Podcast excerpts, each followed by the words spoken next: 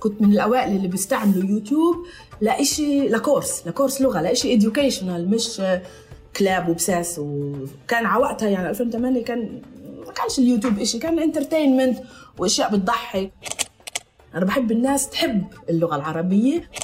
بعد ما علمتهم فعل آه، شبع و آه، ومات وأفعال في الماضي علمتهم كيف إحنا بنستعمل شبع شبع موت شبع ضرب. شبع نوم. شبع. وثلاث ارباع طلابي هن أمريكان أو ألمان أو من الأرجنتين. كل هاي الجاليات العربية الكبيرة الفلسطينية اللي أبوهن أو أمهن ما علموهن عربي واللي هن بحسوا هذا ال connection زي ال connection تبعي مع إقرت بعلمك عربي عشان إيش تروح؟ تدرب الإسرائيلية عشان يعني تخيل أو تدرب حدا تاني. لا. في البرلمان الأوروبي عندي كان كثير طلاب بالبرلمان الأوروبي طبعا لأنه بدهم يتعلموا عربي. بيروحوا على أفغانستان بفكروا إنه أفغانستان بيحكوا عربي وأنا بقول لا نتعلم مع بعض البشتون. فمرات إذا بصروا أنا بحب كمان أخذهم على الخليل عشان يشوفوا شو هو ال... شو هو الأبارتهايد يعني بعينيهم. بدهن يفوتوا يشوفوا شو يعني checkpoint يعيشوا. مرحبا أنا مها يعقوب مدرسة لغة عربية من زمان ويوتيوبر. آه إسا إسا خلصنا اللقاء مع أحمد البقاوي في بودكاست تقارب. كتير كتير مبسوطة إني كنت جزء من هذا البودكاست. حسيت حالي في في في دردشة مع صديق ما حسيتش حالي في مقابلة. اتطرقنا لكتير مواضيع شخصية. حكيت عن كتير أشياء شخصية من عائلتي ومن أصلي ومن من بلدي. وحكينا كمان آه عن أمور مهنية كيف أنا بجيب الطلاب كيف بعلمهم عربي كيف بخليني يحسوا ويتعلموا كمان ثقافتنا عن طريق دروس اللغة العربية. العربية بتأمل إنه تحضرونا وتنبسطوا وتتعرفوا علي أكثر لأنه أنا مش شوي مظلومة من العالم العربي. بس شكرا شكرا كثير لأحمد. كثير كثير آه، مبسوطة وسعيدة وجوعانة. باي.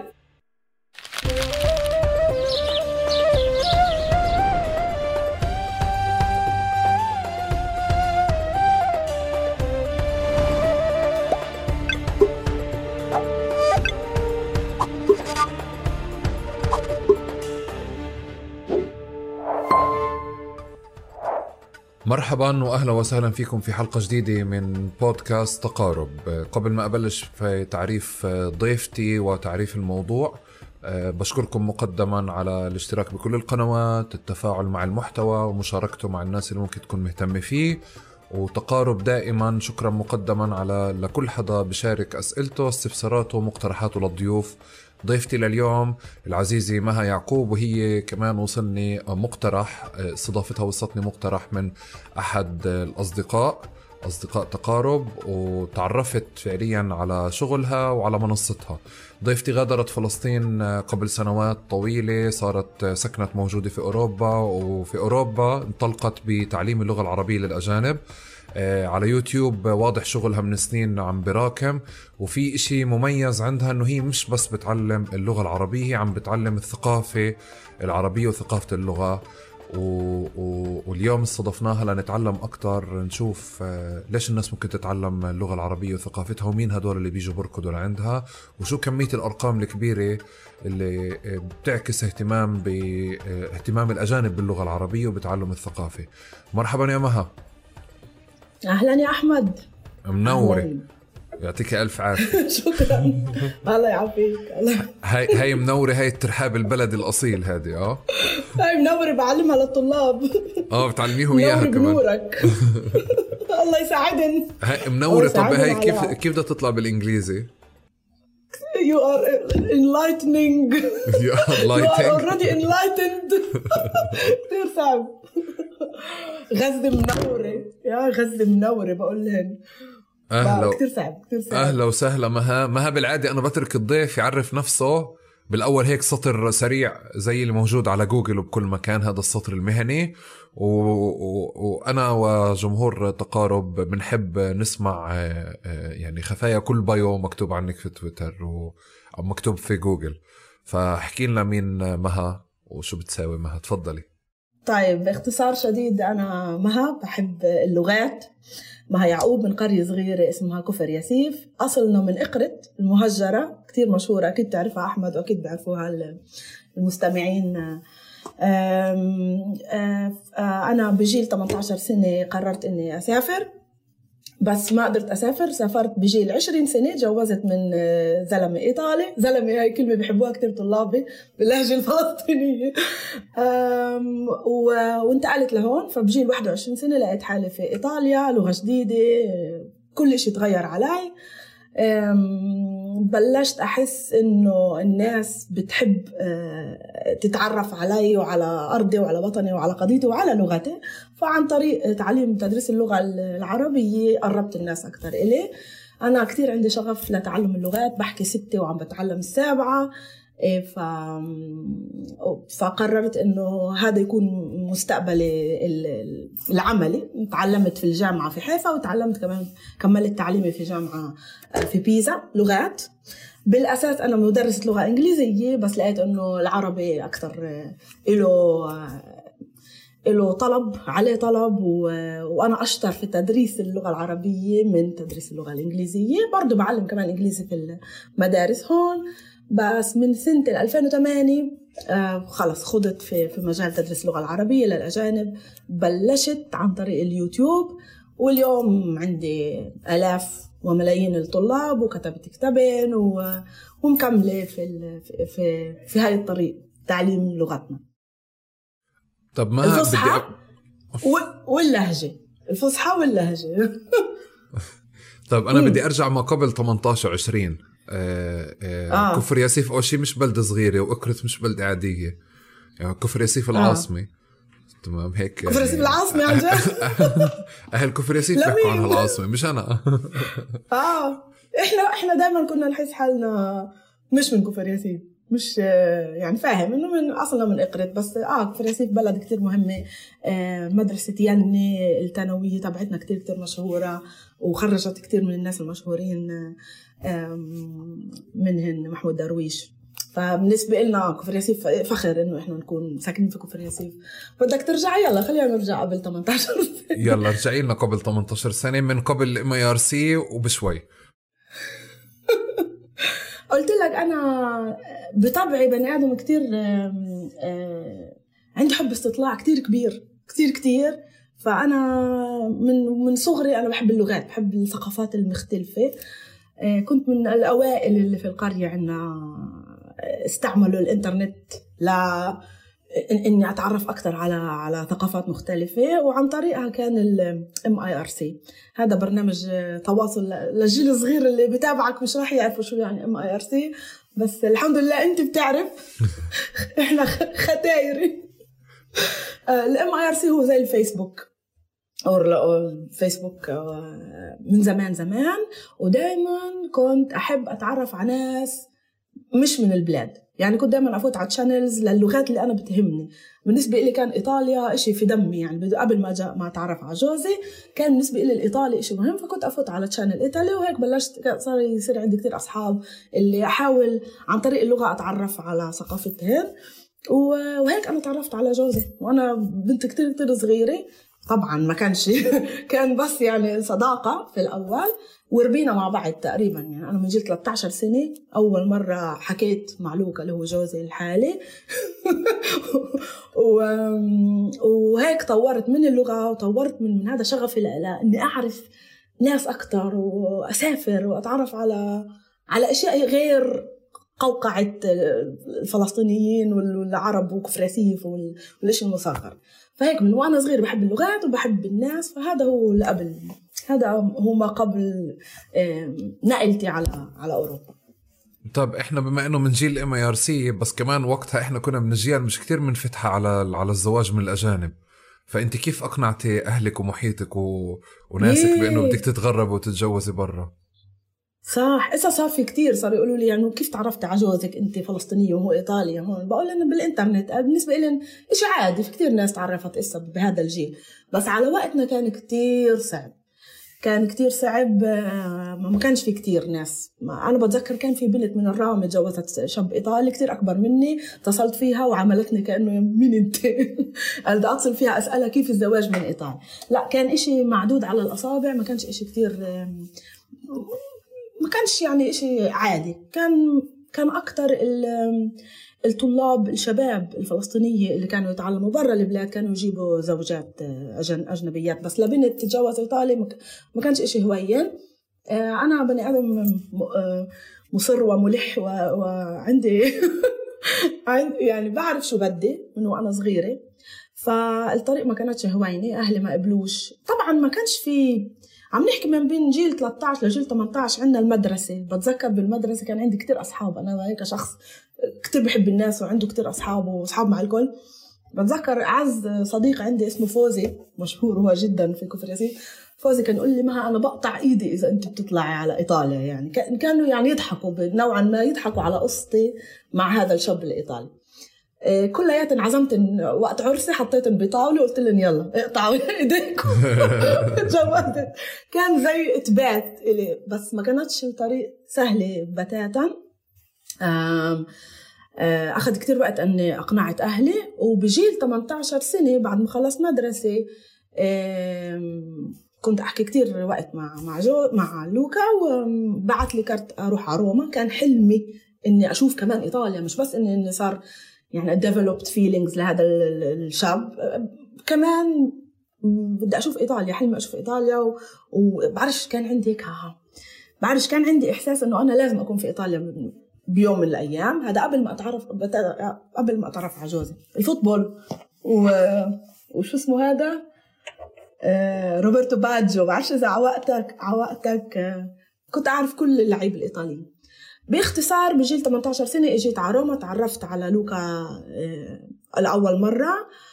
جيت سافرة يعني بس جمعة زمان تعرفت على أهله ورجعت عند أهلي وقلت لهم إنه هذا إشي حقيقي هذا مش بس virtual وفي خلال السنتين اللي بعد هو إجا ثلاث مرات عنا. أول مرة خطبنا بعدين عملنا هيك long long distance relationship لسنة سنة ونص. بعدين قلت له إذا إحنا نكمل لازم نتجوز يعني ما فيش عندنا بنات تطلع. ما كانش عندنا بنات تطلع يعني مصاحبة نتجوز إجا هو و11 تلياني العيلة وشوية أصحاب وعملنا عرس عرب. فهاي ما قبل ال... وبعد عملتوا عرس في كفر ياسيف؟ عملنا عرس في كفر ياسيف عرس عربي كان بجنن كان كتير حلو غريب. طيب مها كيف بتحبيش يتم تعريفك؟ هلا رح ندخل أكثر بالتفاصيل هاي بس قولي لي كيف بتحبش يتم تعريفك؟ من ناحية شغل بحبش يقولوا عني ال YouTuber مع إنه أنا YouTuber بحبش يقولوا هاي ال YouTuber. أه بحبش إنه يقولوا أه عرب 48 48 بعرفش ليش بس بحبش. الأجانب مش العرب. بحبش. هدول الشغلتين. بعرفش إذا جاوبت على سؤالك. آه عرب 48 بس هي هي المتداولة صح؟ فلسطيني بتحبي فلسطينية ال 48 بتفضلي يعني؟ يمكن هن بيقولوش عرب 48 هن بيقولوا آه، فورت إسرائيلي 48 أو عرب إسرائيل يعني. لا. آه عرب إسرائيلي. أيوه أيوه عرب إسرائيل. أيوه أيوه. عرب إسرائيل. هذا يعني مع الوقت مع الوقت بطلت أحب إنه هيك يعرفوا أعرف. أوكي. آه، إحنا إحنا لأنه بنكون نقنعهم يحكوا لكم فلسطينية ال 48 وعرب 48 ما يحكوش عرب إسرائيل. يعني هيك. فإحنا إذا وصلنا آه انهم صاروا يحكوا عرب 48 كتر خير الله يعني. تخيل آه تخيل صح صح. لا أنا عم بحكي على الأجانب اللي بيعرفوش شو الفرق 48 ومش 48 يعني بتقول لهم إسرائيلي 48 ما بفهموش. بتقول لهم عرب إسرائيلي ما بفهموش خلص بيقولوا لك ان أنت إسرائيلي. لا أنا فلسطينيان. هاي أنا عم بحكي أنا صار لي كثير كثير سنين تقريبا 19 سنة مش مختلطة كثير مع عرب أحمد يعني ومع ال مع ال مع الحياة عندنا فلما لما بجاوبك بجاوبك يعني شيء نابع من واحد اللي عايشة صار له 20 سنة بأوروبا. فاهم علي؟ مفهوم يعني أجوبتي نابعة عن التغيير التغيير اللي صار. ف آه. مفهوم مفهوم طيب مها آه، آه، السؤال اللي بتعلق بفلسطين. أنت كيف صرتي فلسطينية؟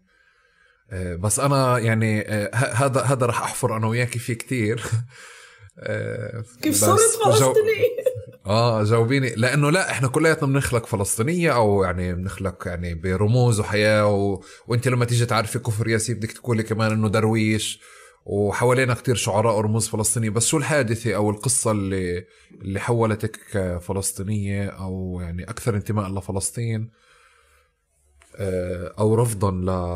ل... ل... للاحتلال مثلا؟ هذا رفضا للاحتلال هذا لما كلياتنا بنوعى ونفهم شو الاحتلال ما فيش حادثة يعني خاصة. إيه، ما فيش إشي اللي غيرني وعملني فلسطينية مش 48 مثلا. فيش يعني عن جد حادثة خاصة. بس إحنا صراحة من وإحنا صغار عشان قضية إقرت من وإحنا وإحنا صغار من جيل كتير صغير إحنا بنعرف إنه إحنا اوريدي مهجرين وفي احتلال وبنعرف قصتنا. يمكن أكتر من الناس اللي بتخلق بعرفش بحيفا أو ب بمدن اللي خلص هن خلقوا هناك. إحنا لا إحنا ولدنا في في كفر ياسيف بس آه، أبونا وابو أبونا عنده قصة اللي هي إحنا ربينا عليها اللي هو آه، قضية اقرت وبرعم وكل القرى القرى المهجرة. فإحنا من وإحنا صغار إحنا فلسطينيين. طبعا لما بتسكن أنت في تحت شو بيقولوا education system شو بيقولوا له هذا بالعربي؟ وين يا محمد العربي؟ نظام تعليمي. نظام تعليمي كله إسرائيلي. إيه، صعب صعب إنك تخلي الشيء المزروع فيك كفلسطيني ينمو معك. ففي عندك كتير آه، عوامل خارجية اللي تخليك شوي آه، تتعايش مع الموضوع وتطبع بشكل آه، بس بس هذا جدا صعب لطفل اللي هو اوريدي بيروح كل صيف على على مخيم اقرت وبيحكوا لك عن عن أرضنا وبيحكوا لك عن تاريخنا وإنه إحنا مع بعض. أنا من وأنا صغيرة عندي كان جدا صعب إلي إني أنا أتقبل أصحابي العرب اللي اللي بيقولوا أنا إسرائيلي. من وأنا صغيرة يعني ما كانش في عن جد حادثة. بس الإشي اللي زاد هو طلعت من البلاد لأنه أنا اتعلمت بجامعة حيفا. إيه، أعز أصدقائي كانوا يهود فأنا أنا عند أنا جدا بني آدم مش عنصري. آه، كديانة. طبعا هذا فيش حاجة يعني نحكي أصلا نشرحه. بس ضد ال ضد ال الاحتلال وضد الفاشيزم وضد أي نوع من العنصرية. based on anything. يعني هذا هو طبعي. طبعي بني آدم متسامح ومنفتح وال motto تبعي live and let live. عيش وخلي الناس تعيش يعني؟ شو ما كان يكون.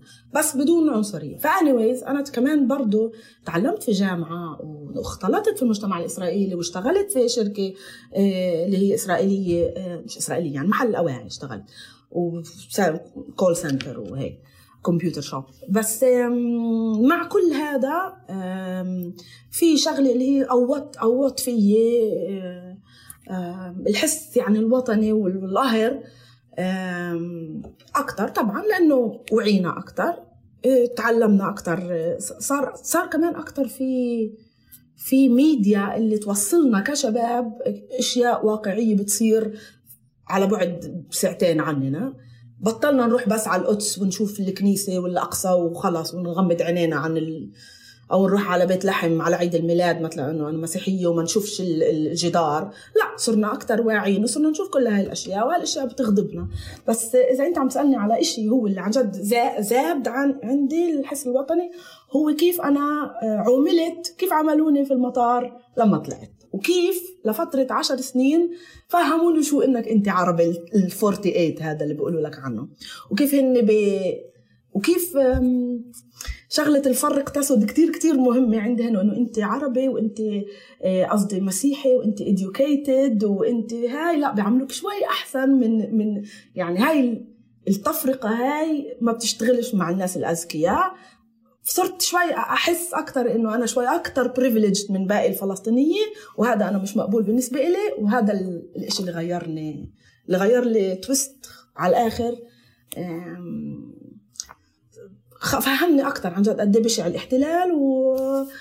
وهذا هو. هذا كمان يعني هذا جزء من من ليش أنا بحب أعلم عن العرب.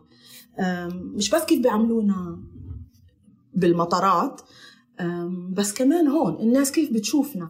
أنا صرت أفهم إيطالي. أنا بفهم كتير منيح إنجليزي بحضر الأخبار بالإنجليزي بس أنا صرت أفهم إيطالي صرت أشوف شو بحطوا بالتلفزيون صار يصير في عندك غضب داخلي بدك تفرجي لا الصورة المختلفة عن شو أنت الفلسطيني مش هيك مش شو بيحكوا لك. فعن طريق اللغة وعن طريق الدروس في اليوتيوب أنا مش بس بعلم ألف باتا صرت أحط غنانم فلسطين وأبوي وأمي وأشياء اللي تعزز آه، حبي لإحنا لشو إحنا و وكان نابع شوي عن غضب. يعني فهمت علي؟ كان نابع عن غضب لأنه إحنا مظلومين من من عندن ومن شو العالم بشوفنا كيف العالم بشوفنا. ب... ب... بدي أسألك على إقرث بس بدي أسألك أكثر مها على على المشهد تبع المطار. بالعادة دائما أنتم بتحكوا عنه بس أنت أول مرة حدا يعني بيحكي عنه ب... بكيف بعزز هوية أو بشكل هوية. أنا بالعادة لما بكون أحكي مع أصحابنا بال 48 بقول له على قد ما تتفعفط يعني على قد ما الواحد يتفعفط بال 48 وإذا بده يتحول لإسرائيلي بالكامل على المطار في إشي برجع بذكرك دائما إنك أنت آه، أصولك عربية وأنت عربي وما فيش فارق بين عربي إسرائيلي وعربي فلسطيني بين وطني ومش وطني. كلك بدك بدك تنذل بدك تنهان بدك تتفتش ممكن تتشلح وتشوف الرقم اللي انحط عليك. بس بنفع هذا المشهد اللي صار معك اللي عمل لك هذا الوعي هيك ترجعي تتذكري تحكي لي أكثر يعني حتى آه، إذا بنفع كيف تشكل شعورك اللي اللي شكل لك بعدين الغضب اللي بتحكي عنه؟ هو هو بالضبط شو انت حكيت يعني مهما تكون انت برو يعني متقبل الموضوع هن وتقول لهم إنه أنا زيكم وأنا بحبكم انت بتضلك بالآخر فلسطيني وعربي وبيعملوك شو يعني بيحاولوا يغروك في معاملة شوي أبسط بس انت بالنسبة لهم انت عربي انت الفلسطيني انت اللي هاي الشوكه اللي قاعدة في في زورهم anyways أنا مش بس وأنا صغير يعني قلت لك أنا أنا جوزت جيل 21 وأنا كثير متعلقة بأهلي في البلد والغربة بالنسبة لي كانت كثير صعبة فكنت دائما أسافر كثير كثير يعني. فهاي مش بس هذا على مراحل يعني على سنين أبو خمس سنين حتى جوزي كمان كان يتفتش. ولا شيء خلص بتوصل مطار قول الرجعة كانت أصعب بالنسبة لي كنت أوصل مطار روما مطار روما أي flight لتل أبيب إيه، عندك terminal خاص بعرفش إذا كنت مرة في روما عندك في terminal خاص إلهن بتحس حالك already بتل أبيب. وأنا بنت صغير يعني كنت بعدني صغيرة شو يعني 22 سنة بعدني صغيرة و دغري. خلص دغري يعني. مها؟ آه يعقوب. okay خلص يعني immediately. كنت أقعد maximum minimum ثلاث أربع ساعات في التفتيش. والتفتيش كان كتير بشع لأنه كانوا يعيدوا على نفس الأسئلة. إسا هني خلاص إسا إسا عم بحكي أنا عشي زمان. إسا بشرح لك شو تغير. بالزمانات هيك يعني عن جد من زمان قبل 15 سنة كان التفتيش كتير صعب وكان traumatic لأنه بني آدم اللي هو بيأذيش صرصور يعامل كأنه آه، مجرم. أنتم طبعا إحنا بنعرف عن كيف التفتيش وبنعرف يعني عن القصص فيش حاجة اقعد أشرح بالتفاصيل.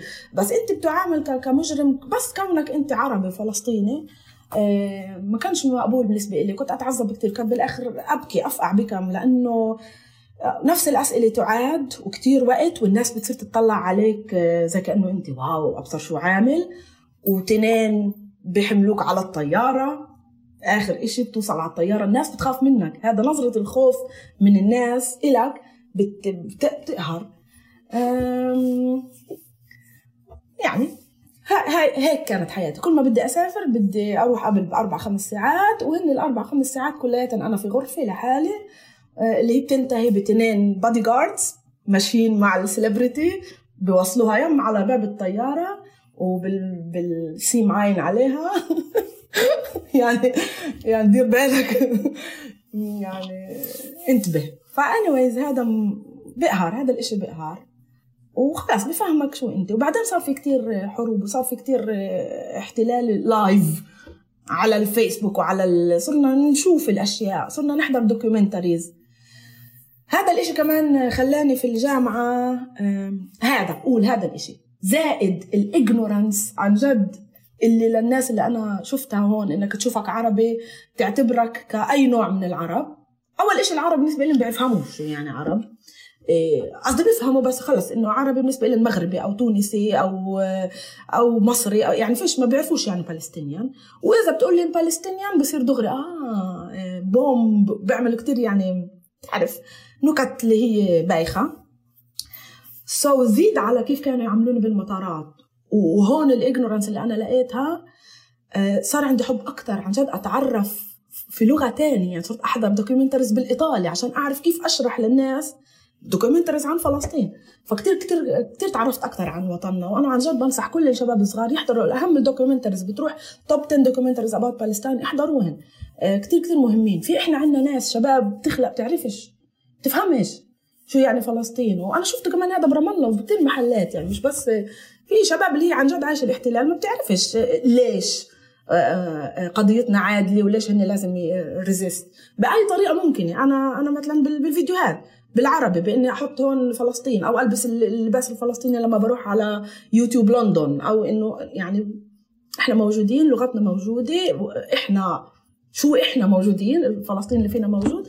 هذا كثير مهم بالنسبة لي كل واحد بمجاله. مش عم بقول احملوا الحجارة وإطلعوا. فهذا بالنسبة آه okay so أنا صار عندي حب. بعدين خلينا ننتقل لدروس العربي. صار عندي حب أكثر من أكثر يعني من جهتين. بدي أحكي للتليان شو إحنا. وهناك صعب إنه أنا أعامل هيك كل مرة بدي أسافر أروح عند أهلي. فرحت قريت آه، كتب تعرفت على آه، آه، كاتبين مشهورين. وتعلمت history course زدت history course في الجامعة عشان أشوف كيف بيعلموا عن قضية فلسطين وعن ال history ال contemporanea بقولوا لها يعني الحديثة. وعملت ال thesis thesis work تبعتي عن الانتداب البريطاني. فكمان خضت هيك كتير أكتر بالتفاصيل عن عن بداية بعد آه. آه بعد الإمباير العثمانية بعدين البريطانيين بعدين افتر يعني كثير كثير قريت و ولا شيء وفهمت أكثر ك ك كأدلت إنه قضيتنا عادلة وما فيش عيب إنك أنت تقول آه، شو أنت وتدافع عن وطنك بأي طريقة ممكن. وتكون فخور وتكون فخور إنك تقول أنا بحكي عربي. هذا الفخر. تكون فخور تقول أنا بحكي عربي وباكل مقلوبة وب... وباكل حمص ني وهي مش زي ال modern. يعني أنا كمان كتير بني آدم modern بس هذا بس عندي وعي إنه هذا بقللش من ال modernity تبعتي إنه أنا أحكي عربي وأعلم عربي و... فهمت؟ okay. مها. مها. مها باللي أنت بتقوليه أنا بعرفه بس بدي بدي أفصل أساعدك مش يعني نفصل أكثر المشهد لأنه يعني على على قد ما هو هيك صادم وفي تفاصيل كتير المشهد تبع المطار. في شغلتين في الرقم اللي الفلسطيني أو العربي بأخده وبعدين بروح على التفتيش اللي هو مستمر لليوم. وفي إشي تاني اللي هي الورقة اللي بتلاقيها بشنتك بس توصلي. إنه أنت تفتشت شنطتك هذه هذه هذه هذه أصحابنا ما يعني لما بشوفوها صارت ورقة عادية زي كأنه ختم زي كأنه لما تعمل check in تأخذ sticker على ال ticket رقم رقم الشنطة. آه، آه، آه، أبناء ال 48 آه، فلسطينية ال 48 يا جماعة بس يطلعوا من المطار آه، يعني الطبيعي هم ما بيحكوا عنها لأنه عن جد من يوم ما خلقوا هو هيك بس هم يعني هذا المشهد الوحيد اللي بشوفه أنا بعرفش غيركم بصير معه. بوصلوا بفتح الشنطة بلاقي محطوط له ورقة إنه إحنا فتشنا الشنطة تبعتك. تمام؟ بس للعلم يعني بهذا الشكل. بمكان تاني المفروض طبعا الشنطة تتفتش بحضورك أو تنفتح بحضورك آه، إذا بتنفتح بس هاي شكل إنه يعني هذا جزء من إجراءات السفر تبعتكم. طيب مها انت لما حكيتي لي اكرث أنا بالنسبة لي اكرث كأحمد شكلت لي لما زرتها 2012 13 وبعدين يعني كنت سامع عنها شوي بس قريت ودورت عليها أكتر لأنه في مشهد أنا شفته هناك شفت شو معنى ترجمة العودة وترجمة إنه بالعادة إحنا بنحكي على القرى المهجرة زي كأنها قرى مهجرة يعني مهجورة ما مسيوبة ملهاش أهل ملهاش ناس. آه، اقرث قصتها يعني قصة آه، آه، لطيفة آه، قوية فيها كل هذه معاني الصمود والكبرياء والكرامة لأنه في قرية هجرت ممسوحة فيها كنيسة أهلها طلعوا توزعوا على أكثر من قرى منهم كفر ياسيف اللي أنت منها. هم ساكنين بالقرى اللي قريبة من إكرث بس محملين القرى جميلة لأنه يعني ساكنين عندهم. ضلوا يقولوا إحنا من إكرث مش من كفر ياسيف والأماكن هاي. وبنفس الوقت في في إشي على مستوى عائلي مربوط بفكرة البلد والعودة لإلها طول الوقت. يعني هذه فكرة المناسبات الاجتماعية المناسبات الدينية آه، آه، كل weekend كل نهاية أسبوع لازم من العائلات تجتمع وتكون هناك. فكرة أنه في community اسمه community إقرث آه، يعني هذا مش إشي هوين. أنا لإلي مجرد الزيارة وال... وال... ومعرفة أصحاب بعدين لاحقا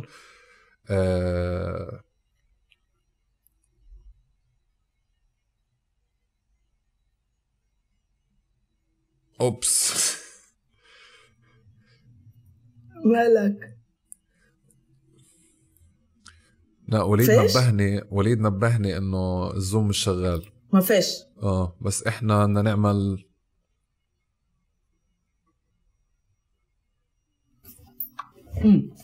آه رح نوصل المقاطع ببعض ومن غير editing في هذا المقطع يا جماعة. آه اللي اللي وصل لهون رح يكتشف إنه في الجزء الأول منه كان كان من من غير فيديو لأنه آه كان في خلل بالتسجيل تبع تبع الزوم. آه وأنا ومها تأكدنا وتوافقنا إنه ما بنفع نعيد لأنه مش راح نجاوب نفس الأجوبة وراح يصير الإشي مصطنع أكتر. ومها كانت كتير طبيعية صراحة وصعب أرجع أعيد من الأول. بدي بدي أنا الفقرة الأخيرة اللي وقفنا عندها لما اكتشفنا إنه آه، اكتشفنا إنه التسجيل على الزوم مش شغال. قضية آه، اقرث إذا بنفع تحكي لي إياها مش من كيف إحنا بنقرأ عنها من ناحية مها قد إيه يعني آه، آه، عززت هي بتعزز فكرة العيلة ممكن. بحب أسمع شو معنى العيلة بالنسبة لأهالي إقرث أو بالنسبة لمها. وشيء تاني كمان شو هذه المعاني الصغيرة اللي مش هوينة بمعنى الصمود اليومي وال آه، والارتباط بالأرض البيت العيلة الأسرة آه، انطلاقا من إقرث حلو. أنت كنت في اقرة قلت لي صح؟ وإن- وأنت حسيت يعني إنه في فيها اختلاف من باقي ال- من من أغلب باقي القرى المهجرة؟ أنا لأنه بعد في هذا شفت ال sense of community ش- أنا آه. حكيت وقتها إنه إحنا بالعادة بنكون نحكي على العودة بس دائما العودة صرت بعد فترة تحولت لكليشيه يعني العودة العودة العودة. من كتر حتى ما بتنذكر بسياق عاطفي ودرامي. بس فكرة في حدا بيمارس العودة بمارس وبخوض معركة العودة بشوف ناس فعليا برا كيف بتكون جزء أساسي من ارتباطها بهويتها اللاجئين اللي برا. بس الفلسطينيين اللي جوا لما شفت إقرث وبعدين كفر برعم آه، شفت إنه في إقرث تحديدا اليوميات تبعت الناس والعائلات هي ممارسة للعودة طول الوقت وإصرار على فكرة إنه إحنا بدنا نرجع حتى لو ساكنين بكفر ياسيف. بس إحنا مش أصولنا في إقرث إحنا عايشين وبدنا نرجع ونعيش في إقرث مرة مم، ف- في مجموعة من الشباب اللي هي بع- بعرفش لحد إستا يم- بس قبل كم من سنة كانوا ساكنين. كانوا سك... كانوا ساكنين عاملين camping في الكنيسة في اقرت منهن ولاء بتعرفوا ولاء سبيت ولا 47 إسبيت طبعا. آه آه. اللي هو هو هو ابن خالي. آه، شوية show off show off فآه منهن ولاء ومجموعة من الشباب. فكتير في كتير عندنا sense of of commitment لأرضنا ولبلدنا. وعندنا زي ما قلت أم، فعاليات اجتماعية دائما موجودة. أي حدا بيتجوز بروح على الكنيسة في اقرد أنا عمدت بنتي مثلا جبت كل شلعة التليان وعمدت بنتي في اقرد في, في نص ديسمبر بالساعة. عندنا مش بس الناس يعني اللي هي موصولة في في الدين. يعني إنه يوم احد لا لا عندنا بال- بالربيع في عندنا يوم سبت بنروح على اقرد عندنا مخيمات صيفية بنودي عليها أولادنا وإحنا هيك خلقنا يعني. وأنا صغيرة كان دائما عندنا مخيم إقرت وفيه فعاليات كثير وطنية وفيه تعريف جدا عن أرضنا وبننزل ومن ومنزور آه، قبور آه، دار سيدنا اللي اللي already تهجروا من إقرت ورجعوا في بدي أسألك على كلمة already ورجعوا كان يعني حلمهم إنه يرجعوا على اقرت آه، فرجعناهن بس بعد ما ماتوا. يعني كل أجدادنا أنا سيدي وستي في اقرت في في عندنا كتير sense of of هيك في شيء اللي, اللي بعرفش التلياني عم عم بضرب مع الألماني. sense of legamento. legamento يعني شيء موصول. إحنا موصولين في في اقرت من وإحنا صغار. و مرتبطين آه. مرتبطين مرتبطين. آه، آه، فهذا إشي بجنن. عشان هيك إحنا أنا بقول لك هذا هذا ما نرجع لسؤالك الأولاني. ما فيش إشي يعني خاص اللي غيرني أو فهمني من وين إحنا أو شو هو الاحتلال وشو هو ال- ال- التهجير. بس هذا معجون معجون فيي وب- وبجيل آه، الشباب الإقرطاوية والشباب اللي آه، اللي من من بلاد تانية. يعني ما فيش إسا بس إقرت وبرعم. مش بس البلاد التانية. يعني أنا سيدي خلق في غزة. آه، يعني كلنا كل فلسطيني وين ما كان يكون أصله من محل تاني من بلد تاني. ف... كيف يعني- سيدك من غزة؟ سيدي أبو أمي ولد في غزة لأنه أبوه مات في الحرب.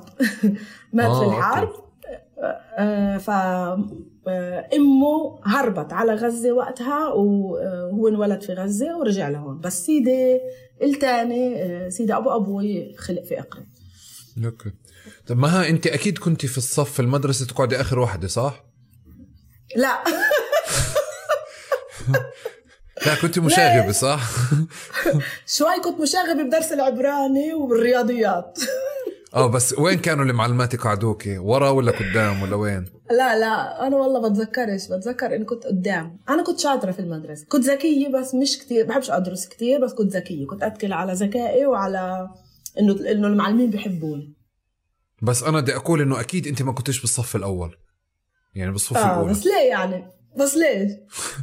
يعني هذا السؤال أنا خلص مؤخرا بآخر الحلقات صرت أدخله بكل مع كل ضيف لأنه فيه هيك بعمل تواصل أوه. على على أوه. يعني على طبيعة كل شخصية بس ما عندي شك كبير. إنك أنت ممكن تك... حتى لو شاطرة بينفع تكوني صف ثاني أو ثالث على الطرف مثلا. بس يا ورا يا بتعرف إنه أنا مش متذكرة؟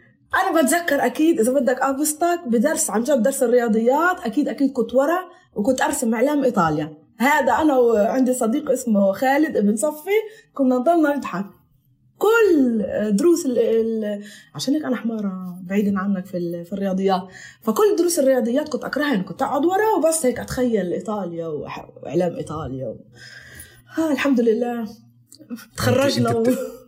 بتعرفي هاي الحلقة بجوز ترجع الأمجاد ل... لأحلام إنه الواحد يرجع يحلم يطلع برا البلد وهيك. يعني بتعرف بنخلق إحنا بكون الواحد بده يكون طيار أو رائد فضاء ويطلع ب... على بلد أو مكان ما. بعدين بنكبر بنلاقي حالنا ما صرناش ولا شيء من الثلاث انت قاعدة اليوم بترجع الأمجاد للحلم هذا يعني. فاهم؟ إنه في إمكانية يا جماعة تتعرفوا على حدا اونلاين وتتجوزوه هيك ومن بعيد. وفي إمكانية تقنعوا أهاليكم وفي إمكانية تسافروا وتقيموا برا وتشكلوا حياة تانية. فأنت عم بتكسري كل الإشي يعني اللي اللي خلص هيك زي كأنه الجدران والحواجز الجديدة اللي صارت. طيب مها طلعتي وسافرتي وأنا بعرف إنه في إشي بدي أفترضه افتراض إنه اللي بيطلعوا من ال 48 بكونوا متغلبين اول شيء اللغة العربية تبعتهم قوية. يعني إذا تعلموها بال 48 بتكون قوية والثقافة بتكون قوية بس كمان في إشي بالعبري بطغى بمكان. أخذك وقت لبطلت تحكي كلمات عبري أو تبطل تفكري بالعبري اخذ لي وقت.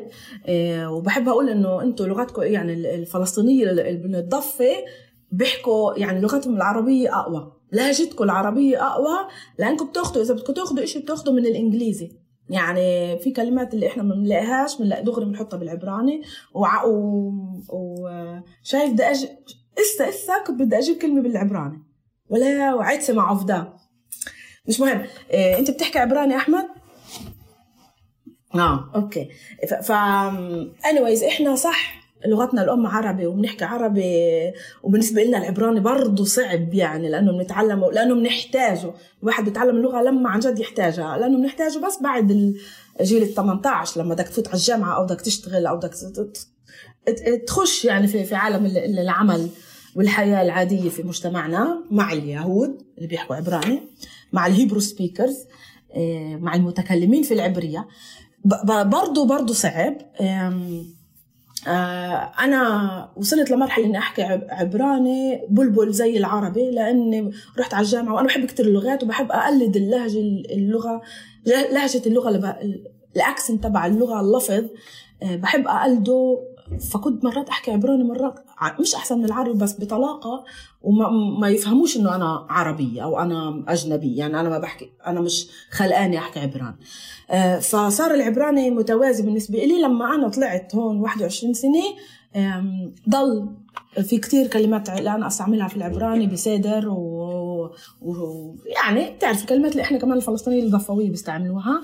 بس عشان دغري تعلمت لغة جديدة زدت الإيطالي وأنا بآمن إنه كل لغة بتتعلمها وهذا عم بيصير معي أنا عم بتعلم إسباني وفرنسي بعد الإسباني. الإسباني عم بخرب لي الفرنسي. فعشان تعلمت الإيطالي بعد العبري بعد الإنجليزي والعبري خرب لي دامج العبراني تبعي. فأنا العبراني نسيته بسرعة نسيت العادي على تكلمه بسرعة وبطلاقة بسرعة كتير. وصرت أتأتأ لما أروح على يعني على المطار يصيروا يقولوا لي عفريت ولا انجلش أقول انجلش أسهل لي. يعني لما انقطعت من العبراني خلص شوي شوي هسه بطلت أحط كلمات عبرية في في كلامي صار مش زيكم. برجع بقول مش زيك. أنت مثلا ممكن تحط هسه بتحطوا عادة إنجليزي. أنا هسه صرت أحط إيطالي.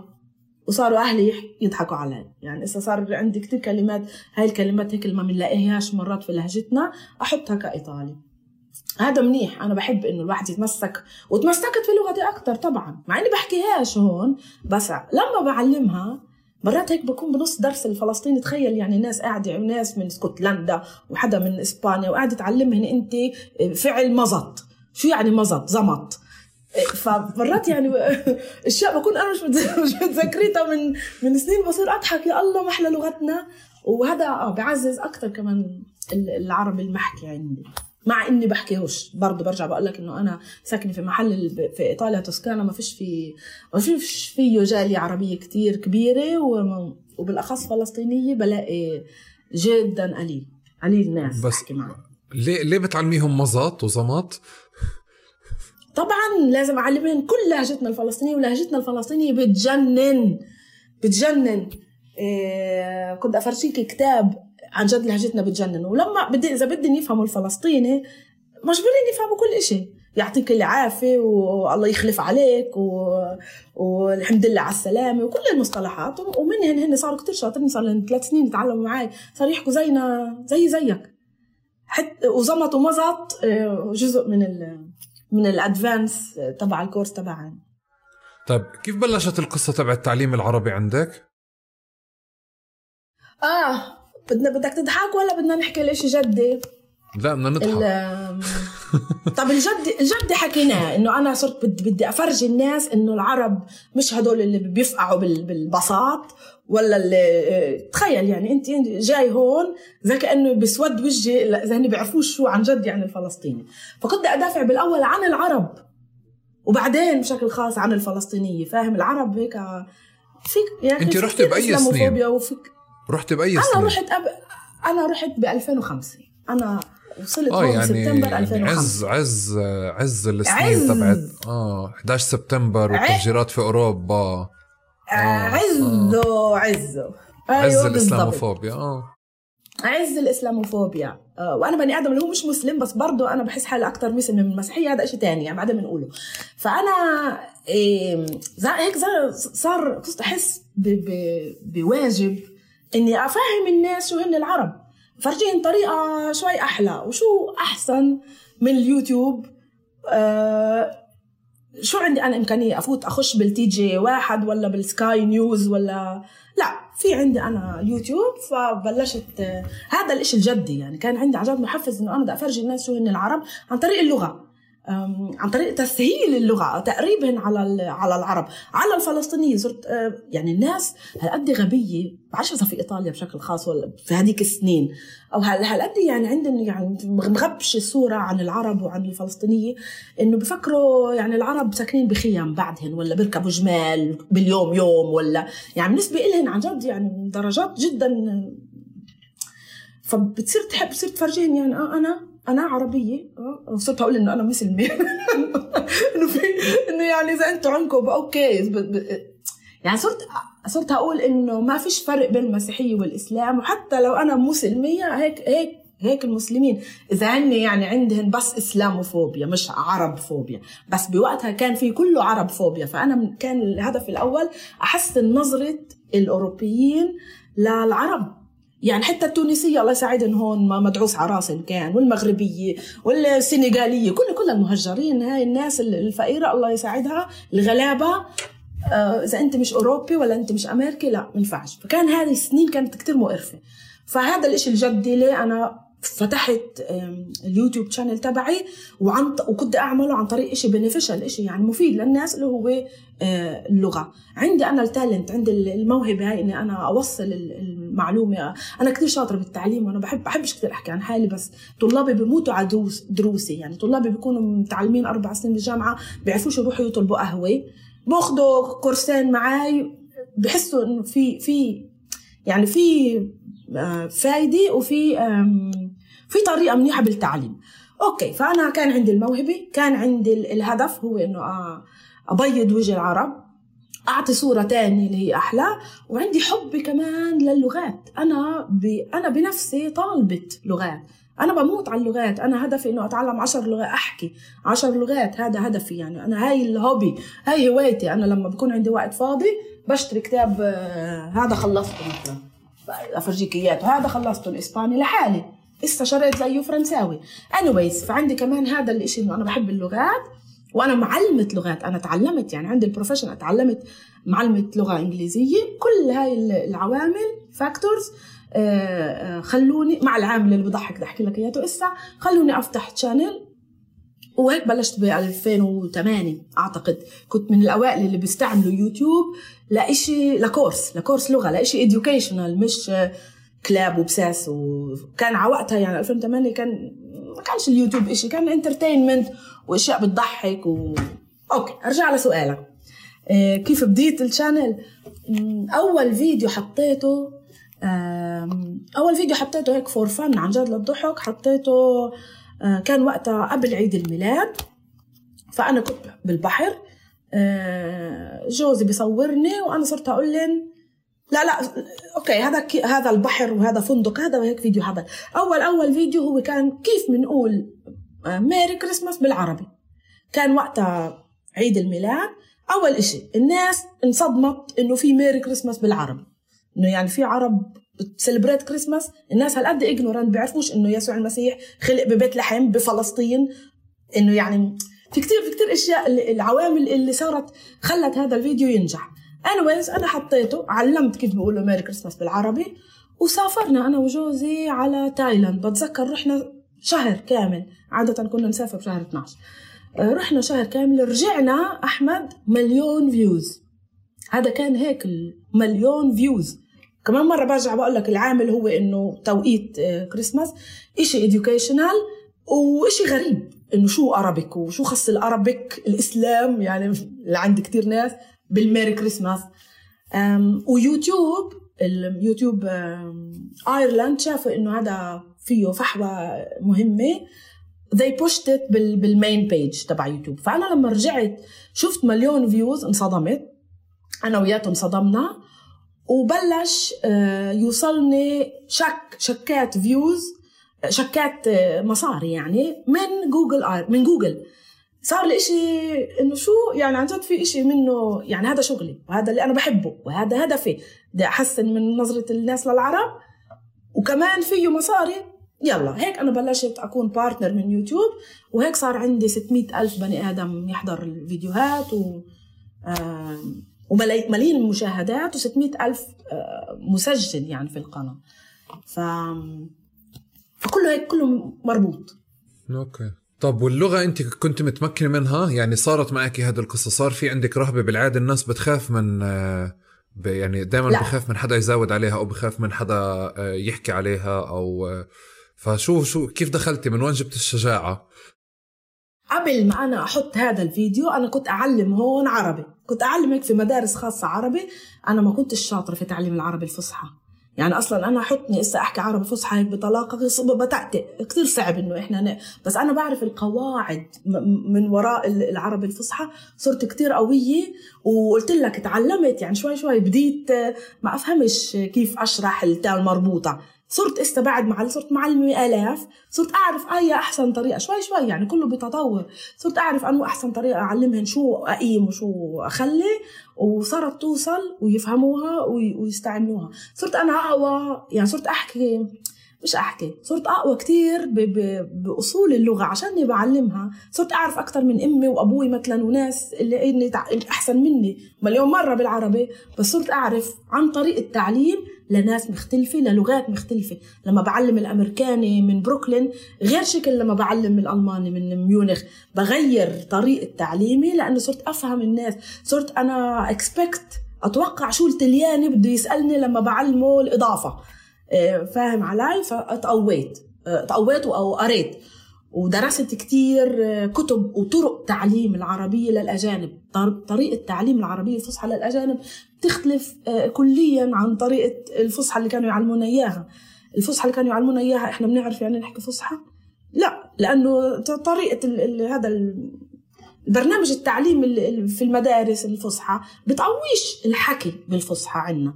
أنا صرت تعلمت تعلمت كتير طرق وكتبت كمان كتابين كورس كورسات لغة عربية للأجانب. يعني للغير ناطقين فيها. و وزي ما قلت لك أنا قبل أنا مش فاطحة لي في اللغة في الفصحى يعني. بس كتير شاطرة أخلي الناس تتعلم. وأنا بحب إشي اسمه فصيحة. أنا بحبش الفصحى هذا اللي كانوا يعلمونا إياه ال boring. أنا بحب الناس تحب اللغة العربية ومش بعد الفعل المعتل تقول لي bye let go لا أنا بحببهن في اللغة ببسطها. فبعلمهم إيش اسمه فصيحة يعني modern مش standard عربي بس modern standard عربي طبعا إيه، بقيم الإعراب. طبعا كله صح بس بقيم الإعراب وبفهمهن. إذا بدكم تتعلموا الإعراب بعلمكم مبتدأ وخبر وكل هاي كتاب كتاب. بيعرفوا بس بقول لهم إنه هذا مش الجول تبعنا مش هدفنا. هدفنا إنه نحكي ونحب نحكي اللغة العربية. اللغة العربية بت- بتعجز يا أحمد. إذا بدك تتعلمها عن جد بالجامعات اسأليني الناس أنا. بتقول خلص.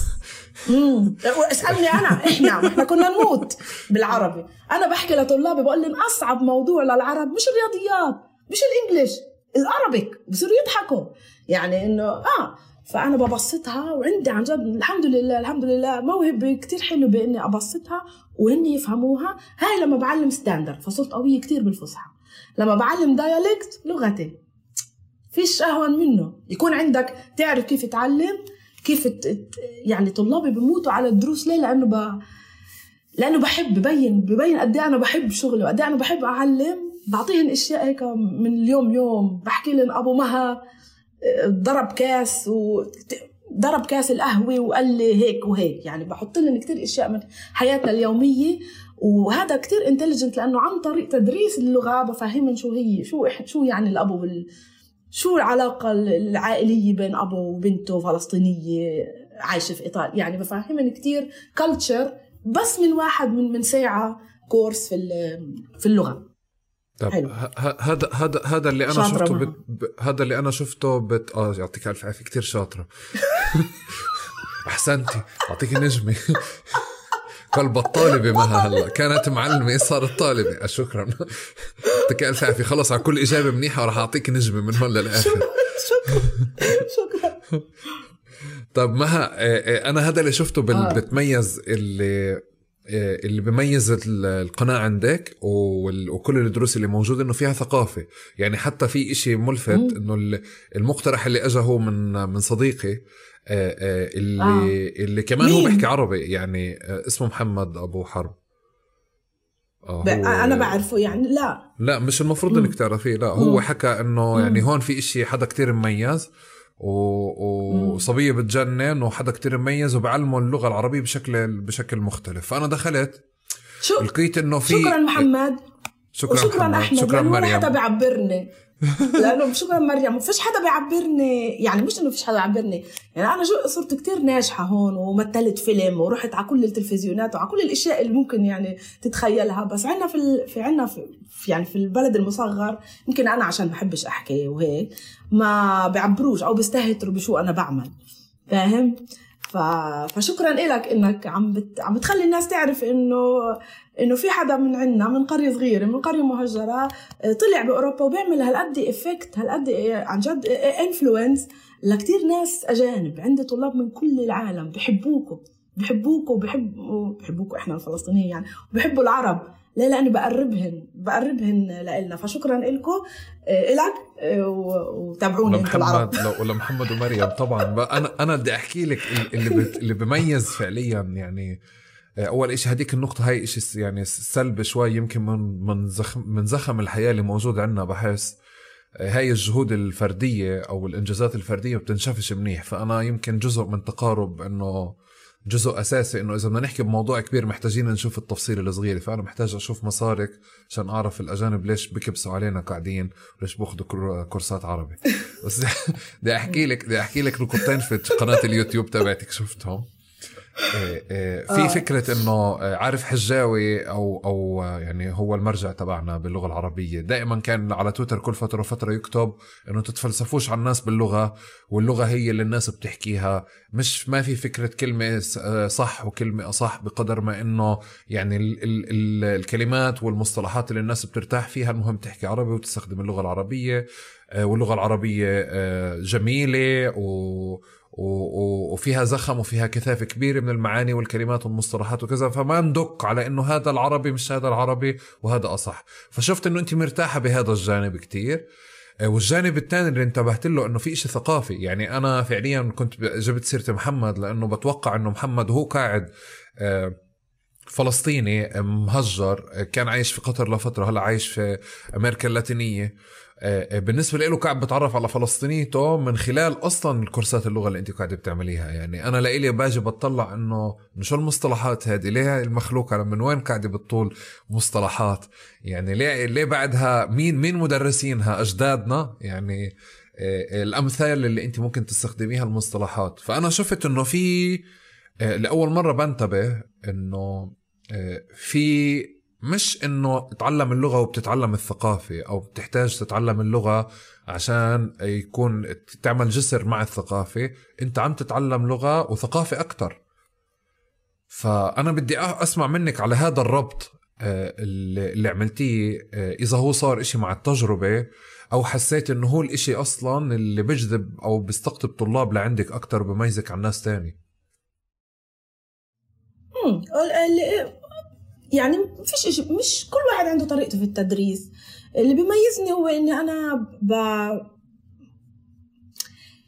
إن أنا متمكنة في في الكورس في برنامج الدورة دورة اللغة العربية المبتدئين والمتقدمين متمكنة من المو الموضوع. بس عشان أحبب بما إنه اللغة العربية جدا صعبة اللي أنا بدي أجي أعلمها عشان أحبب الطلاب وأخليهم أكثر يتمسكوا ويحبوا يتعلموها ويكملوا للمستويات المتقدمة بحب أزيد كتير من من المصطلحات اللي بتضحك أو اليوم اليوم يومية. ف وال ولما بزيد مصطلحات بشرح لهن آه، كتير عن عن ثقافتنا. مثلا بقول لهن لما بالزمانات لما حدا بيعزمك على غدا مثلا وأنت ما بدك بتقول عمار. أنت بتعرف ليه بتقول عمار؟ لا. بصير أشرح لهم يعني شو بها أنت بتعرفش ليه يعني؟ يلا قول لي بس حاول. بعرفش ما أنا بسأل. أنا ب... أنا بعرفش ليه بحكي نعيما ب... ليه بيحكوا لي نعيما بس أطلع من الحمام. نعيما. آه نعيما. كل إشي الله بلغتنا كل إشي في منطقي. مثلا هاي شغلة عمار بصير أقول لهم يعني بالإنجليزي هو أحلى شرحها. آه، عمار إنه بالزمانات الناس أكثر إشي آه، الممكن تتمناه لحدا تاني انها تبني بيت. فإذا أنت عم تعزمني أنا بدي أشكرك. بقولي إلك عمار يعني I wish you building بتأمل إنه أنا آجي عندك أقبل دعوتك لما يكون عندك عمار. بتذكر إنه كمان كل الناس كانت تعمر بيت كان كل الحارة تساعد. بعرفش متذكر؟ بس هاي الأشياء اللي بعلمونا كانت كل كل الحارة تساعد ولما يكون في عمار في وجبة غدا فهي عمار زي كأنه thank you thank you no but instead of thanking you I'm telling you I wish you the best of the best what is the best of the best for a Palestinian person to have عمار. so so صارت الناس كثير يعني هي أحسن wish آه، يخلف عليك كتر الله خيرك سلم إيديك. آه، كل هدول أسهل من عمار. بس في عنا كثير أشياء بتجنن. من حكينا اليوم يوم إحنا كفلسطينية لهجتنا بتعقد فأنا هذا كله بي بي عم بكتشف شوي شوي مش انه مش إنه already صرت أعرف كل هاي الشغلات لما بصير أخش شو يعني عيب الشوم في حتى قنوات في اليوتيوب بتعمل بت بت بتقول بتحكي عن هاي الأشياء المصطلحات اللي إحنا بنستعملها إيه، وشو أصلها.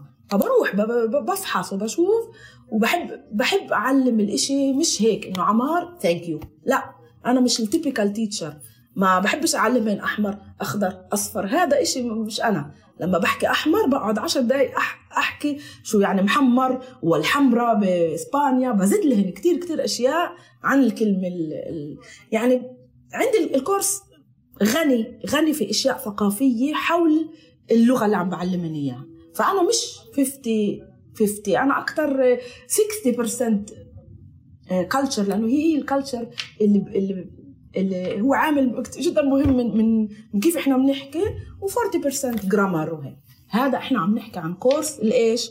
اللهجة الفلسطينية. كورس ال standard عربي عندي بمشي على طريقتي اللي هي من عشر سنين.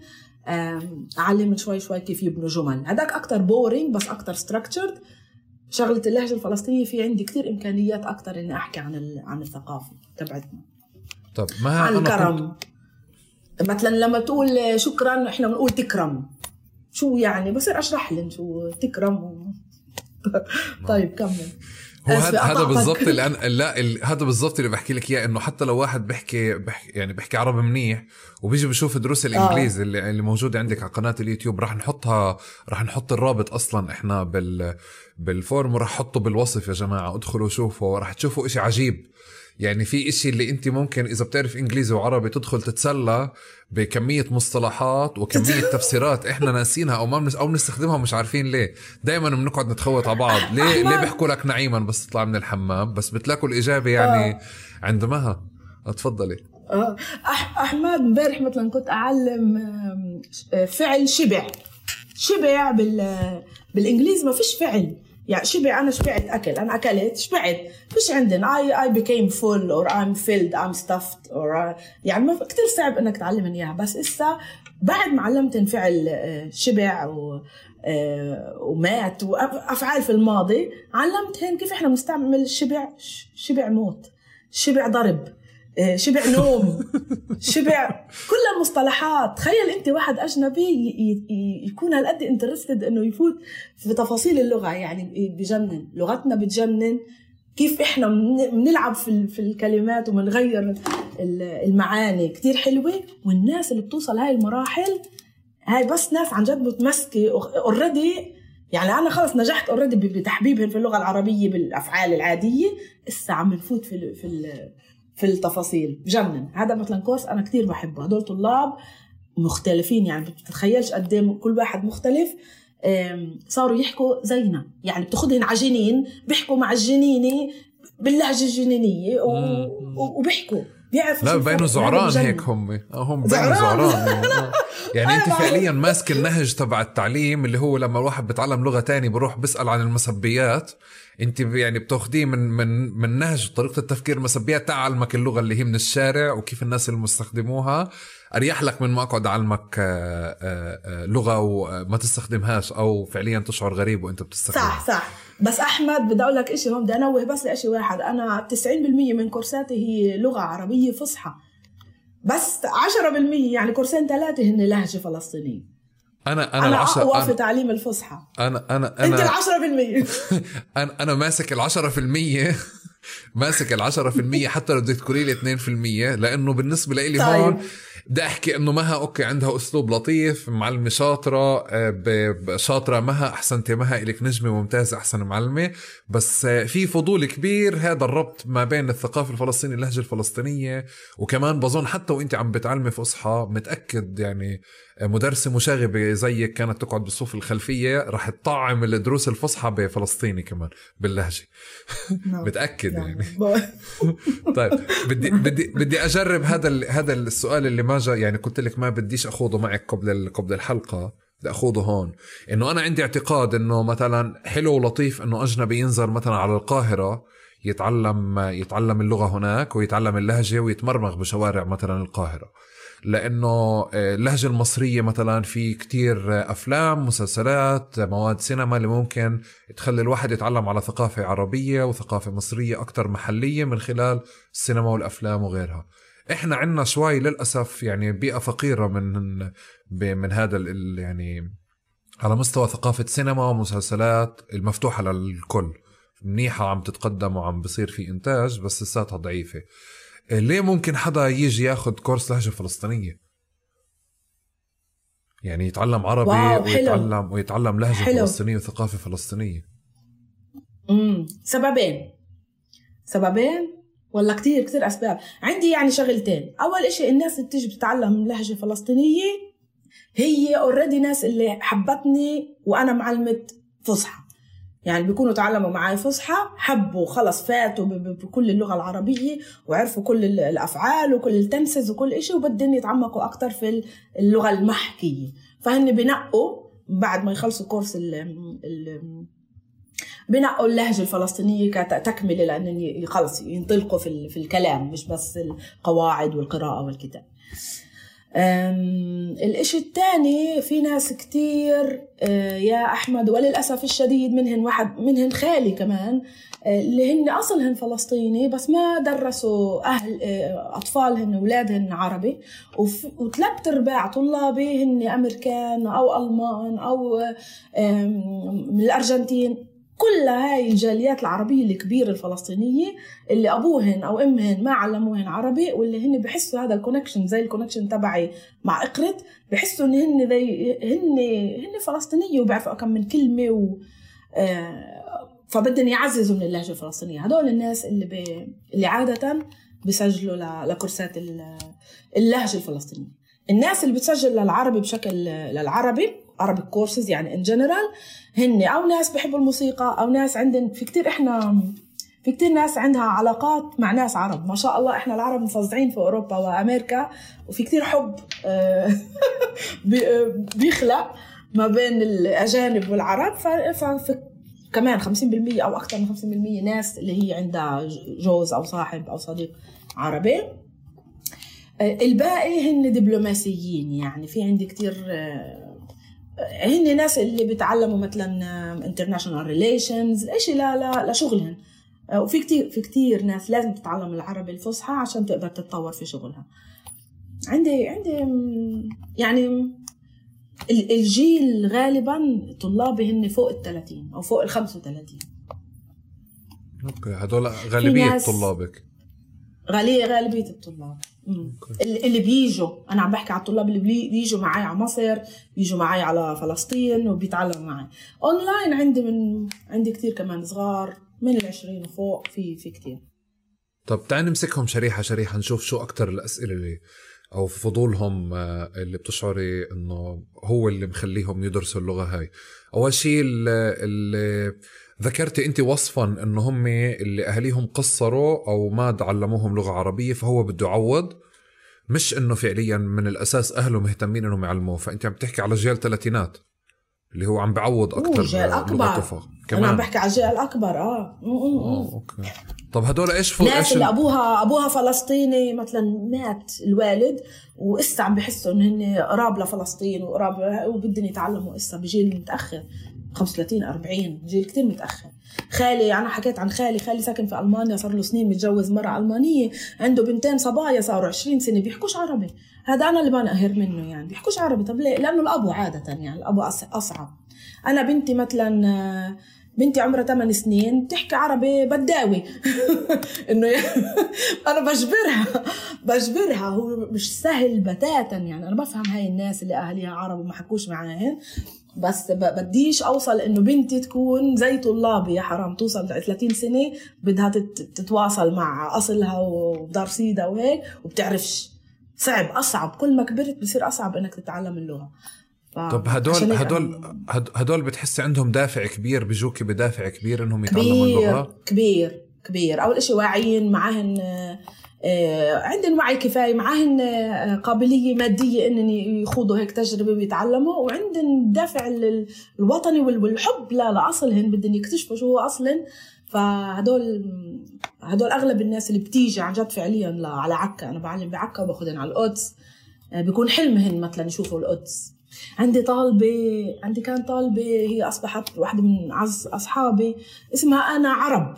هاي البنت إسبانية. يعني إسبانية أبوها بس أبوها أصله من صفد. أبوها ممنوع يفوت على فلسطين فهي حلمها إنه هي تقدر تفوت على فلسطين. فأنا جبتها وعلمتها عربي وشافت بيت أبوها و... في كتير هيك قصص كتير حلوة. آه، أنا أنا بدي مخلي الفقرة للآخر هاي قضية الزيارات اللي أنت بت يعني الناس اللي بتاخديها على فلسطين وبتعلميها تعلميها هناك اللغة مخليها للآخر هاي. بس بدي أكمل بدي أكمل بالشريحة نفسها الأولى اللي اللي اللي, آه. اللي عندهم ارتباط ودا ودافع. إيه شو بتحسي إنه الأسئلة اللي بتتكرر؟ يعني دافعهم أو فضولهم بجوبهم ليسألوا عن إيش؟ الأسئلة اللي بتتكرر اونلاين ولا للناس اللي بتيجي؟ الناس اللي بتيجي قلنا انها بتعرف already الموسيقى لا عم بحكي عم بحكي الجانب الأول. لا عم بحكي الجانب الأول اللي هم جايين يدوروا على انتمائهم أو يعوضوا فعليا لغة موجودة آه، فاتتهم. وعندهم دافع آه. إنه بدهم يكونوا أكثر يعني حبا بفلسطين آه، أو أو ارتباط آه. وطني. بس هدول إيش عن إيش بكونوا يسألوا؟ ما بنحكيش سياسي يعني هن بيكونوا يسألوا عن كيف بنقول صحتين ولا كيف أبوي كان يقول لي وأنا صغير يلا يا زلمة. آه آه أشياء أشياء common phrases و common sentences اللي هن بدهم يراجعوها. يعني يتذكروا إنه هيك ابونا أو هيك أمي كان يحكوا معي آه آه، هدول الناس خلص اللي already بيعرفوا الموسيقى. يعني ما فيش حاجة إنه أنا أجي أقول لهم اسمعوا أم كلثوم وهي تقول بعيد عنك لما بعلمهم البريبوزيشنز قريب وبعيد مثلا.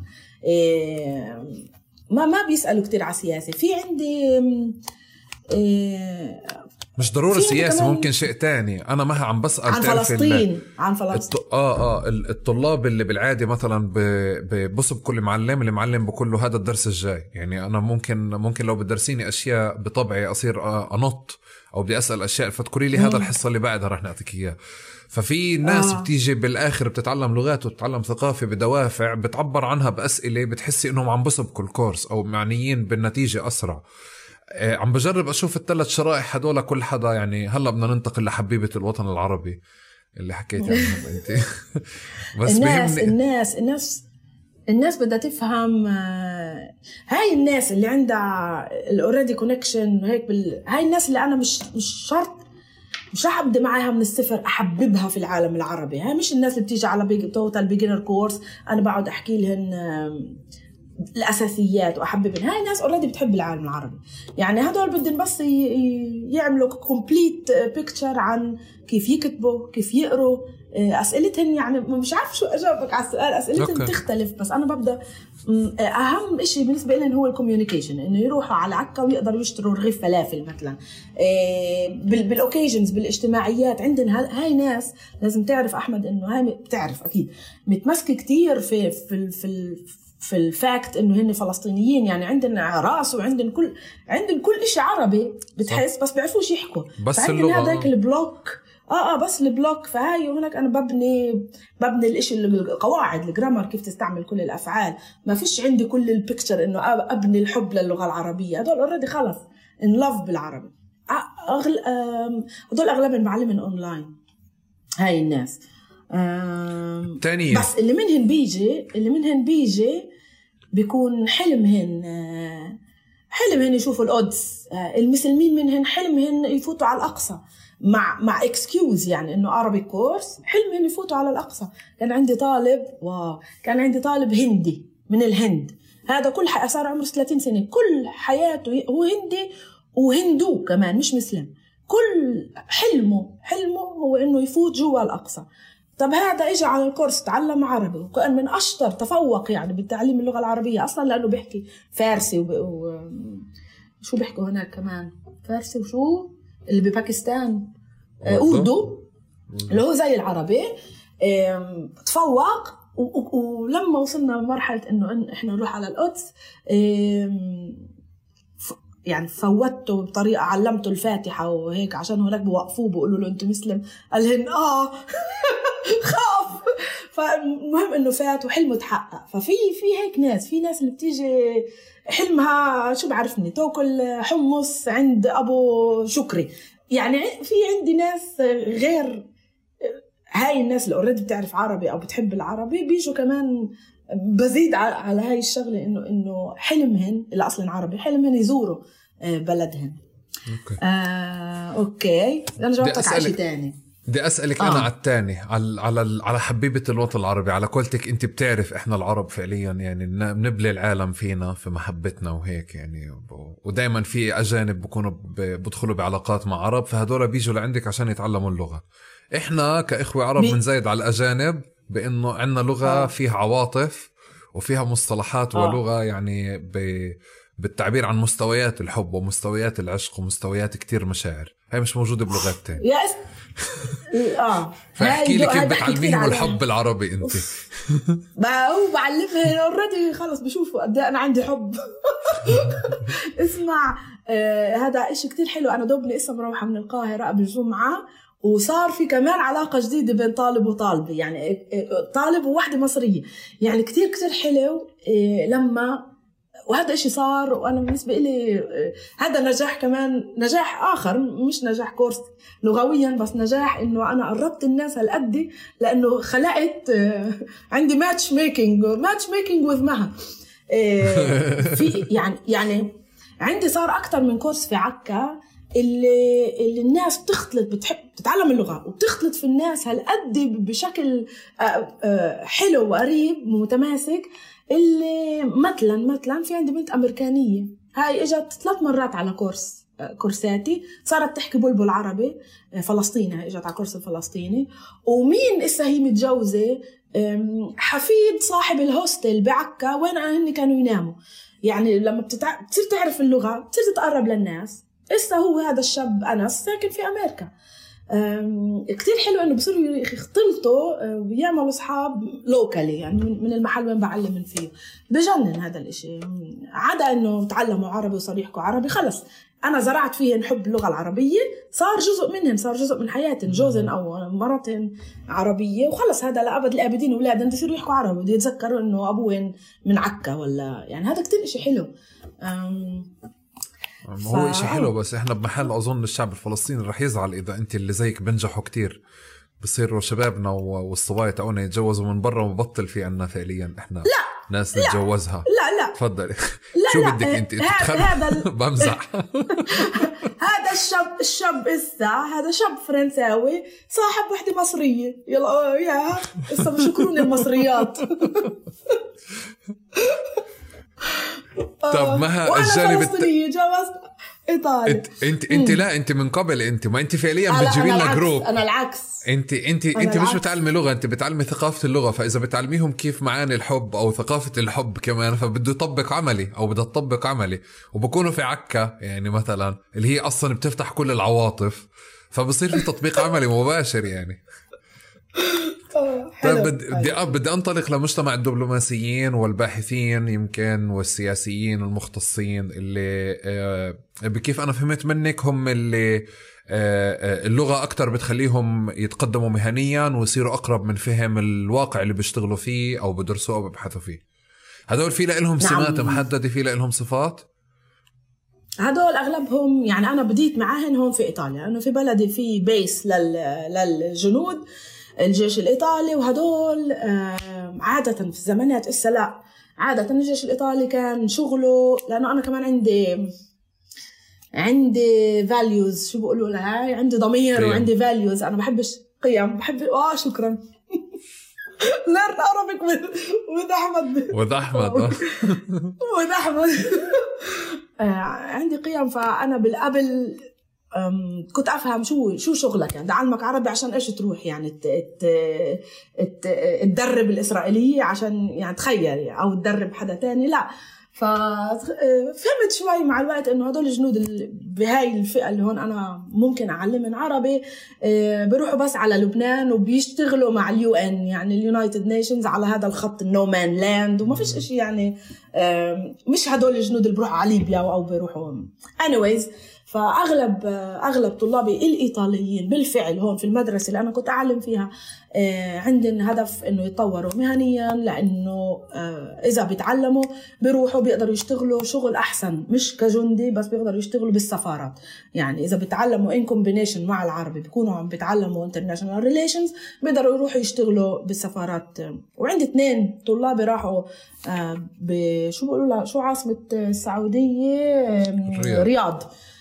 رياض راحوا يعني بعد ما تعلموا عربي أخذوا آه، شغل offer بتجنن وراحوا واستقروا هناك في الرياض. و فجدا مهم إنه يتعلموا اللغة العربية. من ناحية تانية في كتير ناس تشتغل ب NGOs يعني أغلب طلابي هن شباب الجيل الصغير هن شباب متخرجين international relations وبيشتغلوا ب NGOs يعني منظمات غير ربحية. اللي بالآخر بعدين بتصب يعني إنه أغلبهم بيجوا على فلسطين أو بروحوا على لبنان أو على سوريا وهي المحلات. هدول كمان كتير بيساعدهم إنه يتعلموا اللغة الفصحى. آه، عندي عندي كتير اسا هاي اسا الموضة الجديدة. في كتير دكاترة مثلا في دكاترة من أستراليا دكاترة من أمريكا بيروحوا وبيشتغلوا بدبي. آه، يعني في كتير ناس اللي هي هدول الأغنياء الأجانب الأغنياء اللي ساكنين في دبي مجبورين يتعلموا اللغة العربية. هدول كمان عندي جزء كبير منهم. آه، وفي البرلمان الأوروبي عندي كان كتير طلاب بالبرلمان الأوروبي طبعا لأنه بدهم يتعلموا عربي. بيروحوا على أفغانستان بفكروا إنه أفغانستان بيحكوا عربي وأنا بقول لهم لا نتعلم مع بعض البشتون. الله في ناس أنا رحت أحمد أنا انعزمت من البرلمان الأوروبي كواحده من ال three YouTubers بأوروبا.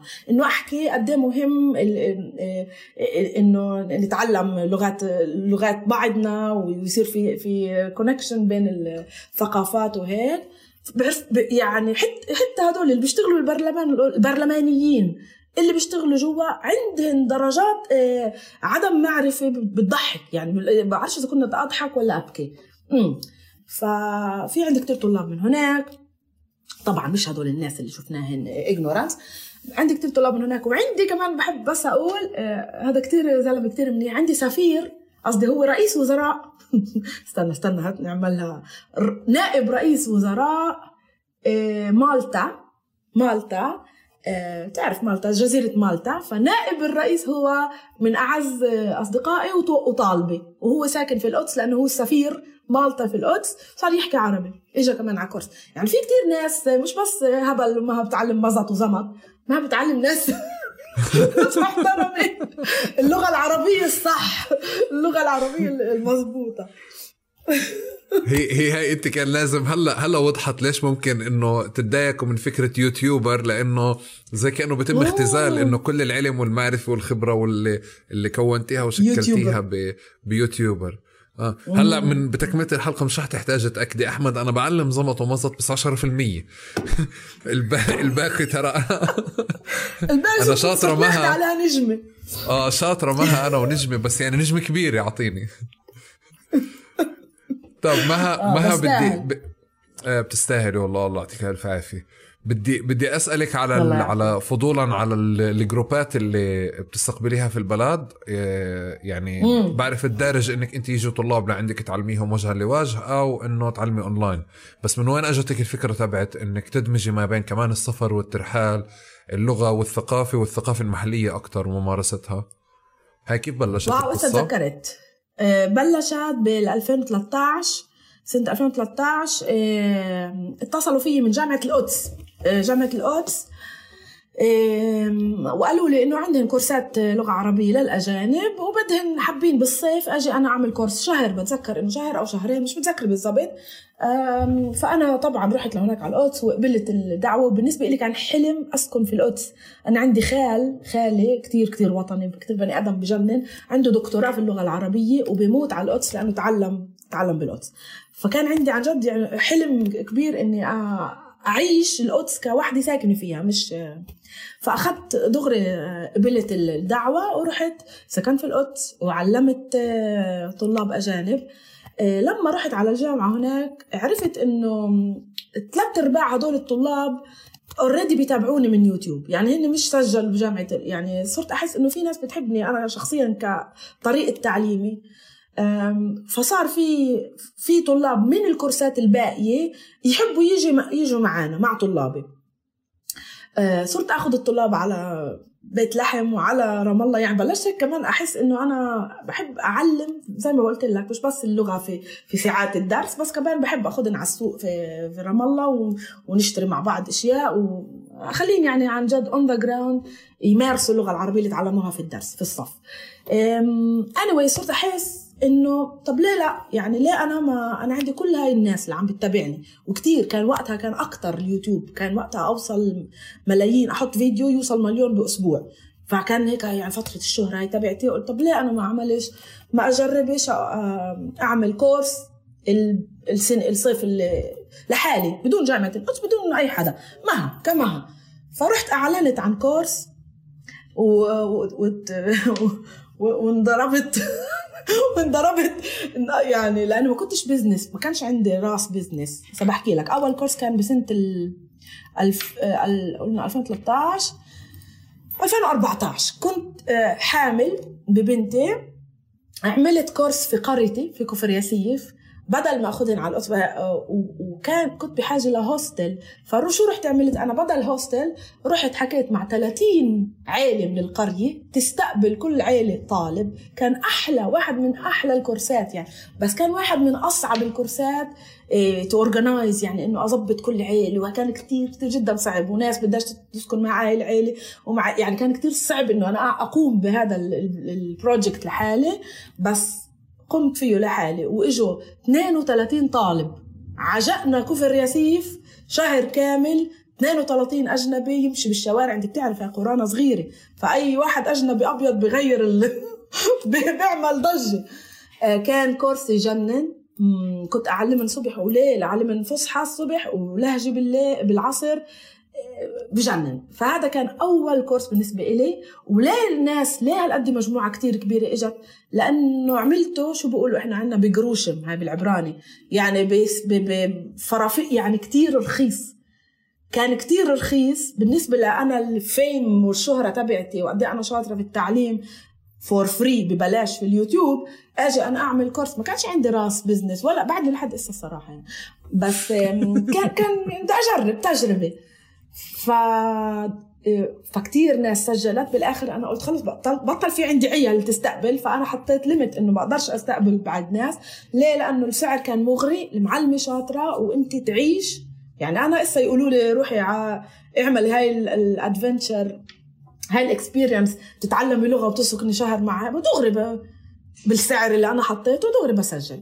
Anyways هذا هو كان أول كورس بعدين تعلمت إنه آه، صعب مع العائلات أحاول أعمله في مدينة اللي هي حلوة اللي هي عكا قريبة علينا في hostel عملنا في hostel نجح. صار عندي اسم صرت أعمل صور. صار الناس آه، صار صار صرت أعمل كورسين في السنة. ولا شيء بعدين اجى الكوفيد و وضربنا كلياتنا لغيت كل الكورسات وساعتها انتقلت للأونلاين. في الأونلاين شو بقولوا؟ يعني نشكر الله كتير نجحت في ال online classes كتير. كان صعب يعني نتاقلم كلياتنا على الزوم calls بدك تعلم وشو اللوح بدك تحطيه ورا و ما كانش سهل بس نجحت كتير. أه لحد ما اضطريت كمان أجيب اسا مدرسة معي اتعلم لأنه صار عندي ضغط طلاب بدها تتعلم معي فجبت مدرسة من بولندا اللي هي كانت طالبتي advanced هذا كمان برهان هاي كمان نجمة يا أحمد. هاي طالبة تعلمت من الصفر آه هاي طالبة بولندية من وارسو. يعني ما خصهاش بتاتا في العالم العربي. تعلمت معي advanced وصارت هي بنفسها مدرسة لغة عربية. يعني هذا إشي ف... ف... إنه بتعلم معي وبتساعدني. هيك بديت وإسا عم وإسا عم بكمل يعني عندي كورس في إن شاء الله في عكا هذا الصيف. آه، طبعا فتحت business إلي لما صار الإشي يكبر فتحت إلي business هون. عندي أنا مدرسة يعني عندي مدرسة لغات هون وأونلاين وهاي السنة حبيت أجرب مصر القاهرة أول مرة. إجوا 24 طالب.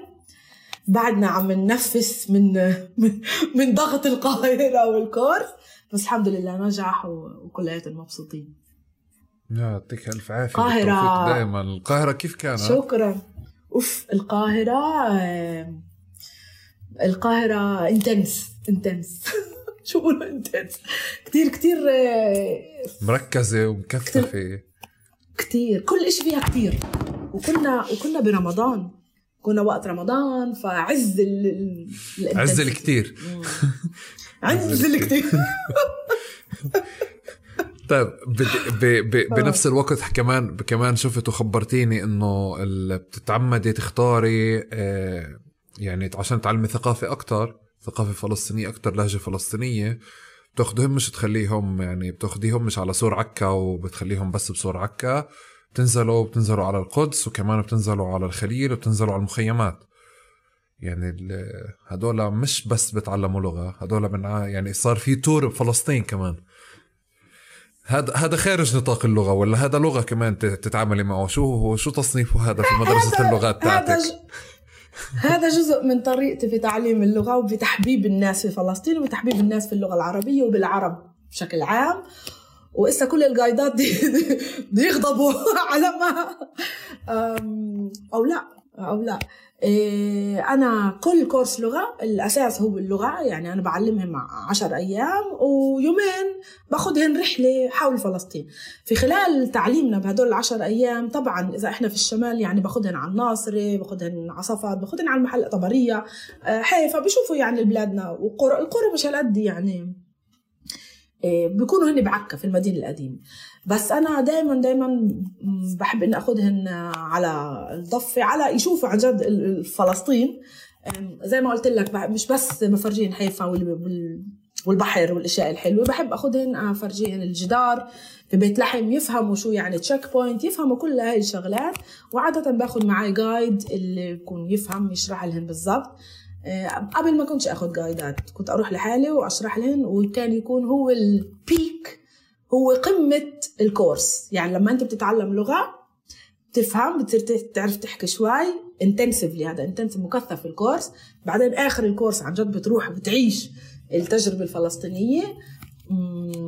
بفتح لهم كثير عينيهن وبدون ما أنا أشرح لا بدون ما أنا أخوض أكثر من اللازم بالسياسة بس أنا آه، يعني باخذهن عاي المحلات آه، بكون أنا عاملة يعني براسي ال plan إنه يشوفوا القدس يشوفوا المحلات اللي بقول لهم إنه القدس يعني ال center of the world بفهمهم.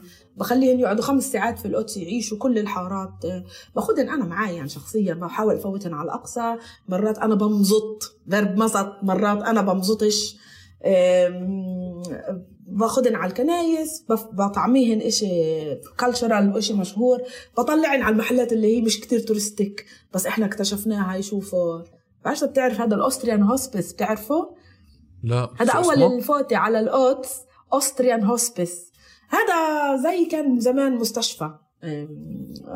نمساوي. إذا بتطلع عليه فوق على آخر طابق بتشوف كل المدينة القديمة من فوق هيك بتجنن منظرها بجنن. بعدين باخذهم على جبل الزيتون. يعني بخليهم يعيشوا كل المحلات المهمة في القدس القديمة. آه بعدين بعدين باخذهم على بيت لحم وبيت لحم بشوفوا الجدار وبنصدموا وبشرح لهم عن الجدار بفوتن على متحف اللي هو متحف بانكسي اللي هو بجنن. فيش حاجة أنا أحكي. بفوتوا هناك بيطلعوا يبكوا وخلص. okay. خلص عليهم. فهمتوا؟ فهمتوا شو يعني تعيشوا هون وشو يعني؟ وبشوفوا بعينيهم يعني أصلا. الحلو منهن إنه الحلو فيهن إنه في جزء من طلابي لأنه هن بيعرفوا طلابي بحبوني كثير ومهما وبحب وبعرف بيعرفوا إنه أنا بحبهن وأنا فيش عندي جادجمنت آه، إذا أنت من ديانة مختلفة وهيك. فالحلو إنه في عدد من طلابي هن كمان يهود. يهود ديانتهم يهودية بس هن بحبوا اللغة العربية وبحبوا يتعرفوا أكثر هدول كمان الحلو إنه هن كمان بنصدموا. بكونوش يعرفوا هن عن من الميديا تبعتهن بكونوش يعرفوا شو يعني الجدار وهيك. لما بيجوا بشوفوا آه هذا إشي آه آه بدون طبعا بدون ما أنا أحكي بشوفوا بعينيهم شو هو الاحتلال وشو هو إنك تعيش في فلسطين. هذا هذا مكمل لكل كورس اللغة. هذا بجنن هذا جزء من تور تور يعني أنا بعمله. مرات آه، بحكي لهم قد إيه قد إيه بكون حكيت لهم يعني عن الخليل بلد الخليل. بكون قايلت لهم إنه الخليل يعني الصديق synonym لصديق وليه اسمه الخليل بقول لهم إبراهيم وبحكي لهم عن ال three monotheistic religions وبحكي لهم عن المجزرة اللي صارت في الإبراهيمي mosque وبصير عندنا حب كمان استطلاع يروحوا على الخليل الخليل مرات لا من قد ما هي صعبة لإلنا كمان إحنا بنعرفهاش إحنا كنا نروح اسواق الخليل نشتري ونروح ما بنعرفش شو يعني الخليل تحت وال checkpoints والهيك ف فمرات إذا بصروا أنا بحب كمان أخذهم على الخليل عشان يشوفوا شو هو. شو هو الأبارتهايد يعني بعينيهم بدون فوتوا يشوفوا شو يعني checkpoints يعيشوا. يعيشوا جو ال... ففي كثير منهم اللي بيروحوا بيروحوا أثرياء لغة و... و... و... ومعلومات. يعني صار عندن هن صار عندن معلومات هالقد كفاية فهموا. فهموا شو هي القضية الفلسطينية بس إن كانوا في الخليل أو في بيت لحم أو في هاي المحلات. لأنه أنت بتعرف يا أحمد ال tours أو بيجوا عن طريق الكنايس بروحوا باخذوهن على الكنيسة كنيسة المهد مثلا آه بفشفوش شيء يعني. أو بسكروا هيك زي بكون عندنا زي الحصان الأجانب هيك زي بشوفوش شو الأشياء اللي فأنا آه لما مرات بقدر أنا عشان كذا ما أعملش كل شيء too interesting و too boring و too political و too dramatic بف... قلت لك بفوتهن على بالباص بفوتهن على المخيمات عشان يفهموا شو يعني refugee camp ما بفوت كثير ما عندنا كثير مرات وقت وبعد فيش عندي contact ما بنفوت آه، آه، بس عشان ما أعملش الإشي too much dramatic بنزلهن على البحر الميت. يعني بعمل لهم touristic tour بروحوا على البحر الميت وبيعملوا كل الاشياء الأشياء المهمة اللي لازم تنعمل في في دولتنا نقول مع كورس اللغة. هذا كله بعمله بيومين. يعني ما عنديش كله ركض بركض آه بس كثير مهم. هدول اليومين كثير مهمين. وأنا كمان بس أخلص بزيد بس هذا هاي الشغلة. أنا عم بكتشف فلسطين معاهن. يعني أنا في مثلا قرى فلسطينية بعرفهاش. آخر مرة عملت كورس رحت على بلد اسمها بتير. حد بيت لحم. ما هي بتجنن. رحنا عليها وأنا اكتشفتها مع طلابي و واكتشفنا البتنجان البتيري انت بتعرفها البلد ولا لا؟ بعرفها طبعا. آه. هذه عاصمة المقلوبة أصلا. آه عاصمة المقلوبة. واو إحنا أكلنا شكشوكة هناك. يا الله لو قلت لي. لا ال- ال- الباذنجان البتيري هو اللي بنعمل فيه المقلوبة يعني. واو. آه. شايف وبدي أرجع بس أقول لك إشي تاني. من خلال شغلي هيك من خلال هذا شغلي بقدر عم بكتشف أشياء فينا وفي في بلادنا اللي أي شاب أو أي صبية في جيلي عندنا بالبلاد يمكن ما بيعرفهاش ما بيطلعش بإيده يعرفها. زي ما قلت لك إحنا لما نروح على الخليل بنروح بنعمل شوبينج لأنه رخيص أو بنروح على بيت لحم عيد الميلاد أو بنروح على القدس نمشي بالشارع. يعني فاهم علي؟ نحن ما بنعرفش كمان إحنا ال 48 ما بنعرفش كتير منيح فلسطين. ما بنعرفش هاي البلاد الحلوة اللي عن جد فأنا كتير كتير بحب إني أتعرف عليها وأعرف طلابي عليها. أوكي. طب ما ها أنت لك سنين بتعلمي. بنفع تقولي لي نظرة الناس اتجاه فلسطين وال وال يعني العرب بس فلسطين بالأكثر كمان والقضية الفلسطينية كيف تغيرت على مدار السنين؟ لأنه صار في انفتاح صار في كمان لغات أكثر. زمان كانت مقالات بالإنجليزي محدود الدراسات محدودة. اليوم في مثلا بعد بعد الشيخ جراح شفنا إنه في إشي مختلف صار. يعني إشي فلسطين مقدمة بكل اللغات وحاضرة بأكثر من بلد. وحاضره باكثر من مكان ممكن تحكي لي ال- الإشي كيف أنت شهدت عليه وتغير من عصر الإسلاموفوبيا؟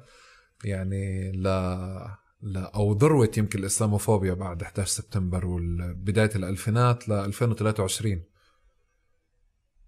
بدي أحكي لك لك شغلة. الإسلاموفوبيا أنا بدي أحكي لك آه، شغلة بس. ليه, ليه, ليه بدي أسألك؟ لأنه في حلقة معتصم علاوي آه، رحالي فكنت بسأله على كيف إنه هو يعني مع السفر كيف تغير الإشي. فأعطاني الإشي اللي إحنا بنضحك علينا دائما لما بنحكي بيسألونا where are you from من كلهم Palestine فبقول لنا wow باكستان بصير يقولوا لا مش باكستان Palestine وأنا نفس الشيء. فمعتصم بقول لي بعد الشيخ جراح صرت أحكي لهم Palestine صاروا يفهموا ويحكوا لي wow يعني يفهموا. إنه- Wow. صح. وأنا نفس الشيء والله بقولوا لي دائما باكستان بعد بعد في منه هذا باكستان. وأنا كمان عشان سمرة أنا بشبه يعني سريلانكا وباكستان كثير اسا أنتم شايفيني بيضة بس أنا كثير سمرة. فكمان أنا بقولوا لي باكستان. بس بدي أقول لك إيش أنت سألتني عن قبل هاي عصر الإسلاموفوبيا لما أنا كنت أعلم عربي. قبل أنا يا أحمد ما كنتش أعلم ما كانش عندي contact مع الناس direct كان عندي contact مع كاميرتي واليوتيوب. وكان في بس كومنتس أنا أقرأ يعني كنتش عن جد أعرف آه، فعليا طلابي يعني من جوا ما كنتش اعرفهم شخصيا. لكتير وقت لعشر سنين أنا بعرفش طلابي. بس آه، بلش الإشي من 2013 وطالع و2013 كان كان أهون بكتير وصارت الناس اللي بدها تتعلم عربي هي ال- ال- الفئات اللي حكيت لك عنها وكلها فئات pro Palestine أو بشكل عام بحبوا عن جد من داخلهن اللغة العربية والعربي. مش ما شفتش أنا التغيير ما حسيتش في التغيير قلت لك لأنه ما علمتش آه، direct لا بالزوم ولا ولا live آه، ناس بهذيك السنين بس اليوتيوب videos كنت طب مم. بدي بدي بدي أجرب أسألك آخر سؤال من عندي أنا وبعدين أترك لك المايك كيف بتحبي اليوتيوب في قواعد اليوم يمكن صارت الإشي البصري اللي بتعلق بالشكل والظهور والجمال والمعايير اللي خلت المراسل أو الصحفي أو المذيع كمان يهتم بشكله ويصير كمان يشعر بضغط من إنه طول الوقت كمان أنت لازم تهتمي تحضري الكورس وتهتمي تكتبيه وتهتمي تمنتجيه بس كمان لازم تهتمي بإنه أنت تحافظي على مستوى ما من الجمال أو مستوى ما من الظهور. بنفع تحكي لي أكثر بما إنك أنت من قدامى اليوتيوب يعني آه، ال YouTubers. آه. ما بين قوسين مع الاعتذار لإنك YouTuber. بس 2008 بحس إنه أنت كنت من العصر اللي أو لما بلشتي كنا نروح نسمع أو نشغل قصيدة لمحمود درويش مش مهم شو الصورة أو ال cover اللي محطوط. اليوم صار الإشي لازم يكون في graphics معبي الدنيا عشان توصلنا قصيدة درويش وال- والمذيعة أو المراسلة للأسف صارت يعني لازم تهتم بجمالها كتير آه، بهذا السياق. وهالإشي عم بكون على الشباب والصبايا بس على الصبايا أكتر.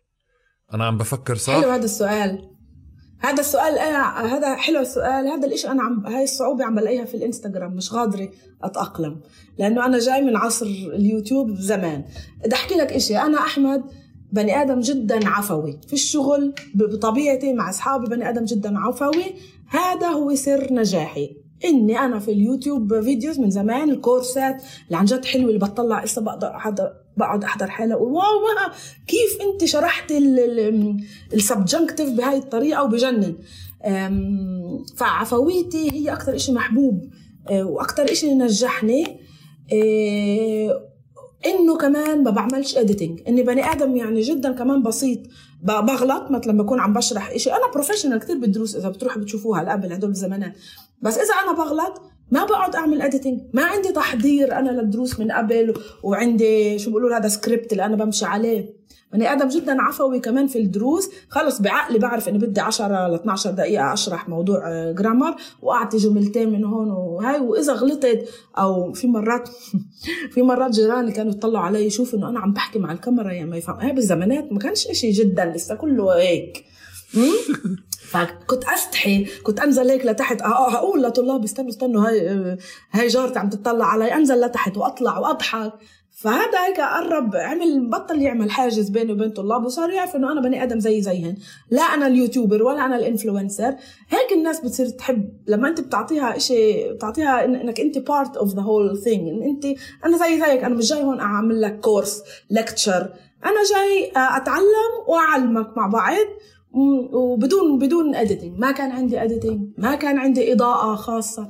ما عندي graphics ولا مرة اشتغلت مع جرافيك ما عنديش ال budget ما كان عندي يعني عن جد مصاري كثير إنه أنا أدفع على حدا اتكلت على عفويتي وعلى شطارتي وذكائي وخلص بس ال editing ال editing إني أزيد ال ال ال الكتابات الأشياء اللي أنا بحكيها كدرس يعني عشان اعمله أكثر لكتشر وهذا هو. ما كان عندي كتس ما كان عندي تحضيرات. شغلة الجمال هذا وإنك تطلع بصورة حلوة آه نشكر الله كنت صغيرة في العمر ما كانش في تجاعيد لسه موجودة ولسه عم بلاقي صعوبة آه فكنت دائما أطلع بشكل حلو وشو ما أكون لابسة يعني مش إنه أقعد وأعمل استوديو تصوير لا لا كل زاوية ألاقيها فيها حيط أبيض أوقف أعمل عفوي الدرس تبعي وأحلى الدروس هي الدروس اللي أنا ما كنتش مرتبة لها. هدول أحلى أحلى content فحوى. بدي أرجع هيك بحب أرجع عادة بحب أرجع عليها واشوف قد إيه كنت شاطرة. إيه إسا أنا عندي صعوبة لأنه كله filters وكلياته لازم يطلع perfect وكله عن جد visual زي ما أنت حكيت. عم بلاقي صعوبة في الانستغرام في عصر الإنستغرام. ومش دائما عم بعمل reels مع إنه بقدر أعمل reels مع إنه أنا اللي خلقت ال ال ال ال video lessons وهيك واحدة من الأوائل هسه كله صار يطلع how to learn Spanish وذ ايجا how to learn وكله صار هسه انستغرام وناجح أكثر لأنه أسهل. ما كانوش يقعدوا ساعات يحطوا كتابات ويفوتوا الفيديو وكاميرا كاميرا كتير غالية وهيك. قصة شوي أصعب بس بهمنيش الصراحة يعني بهمنيش شكلي هالقد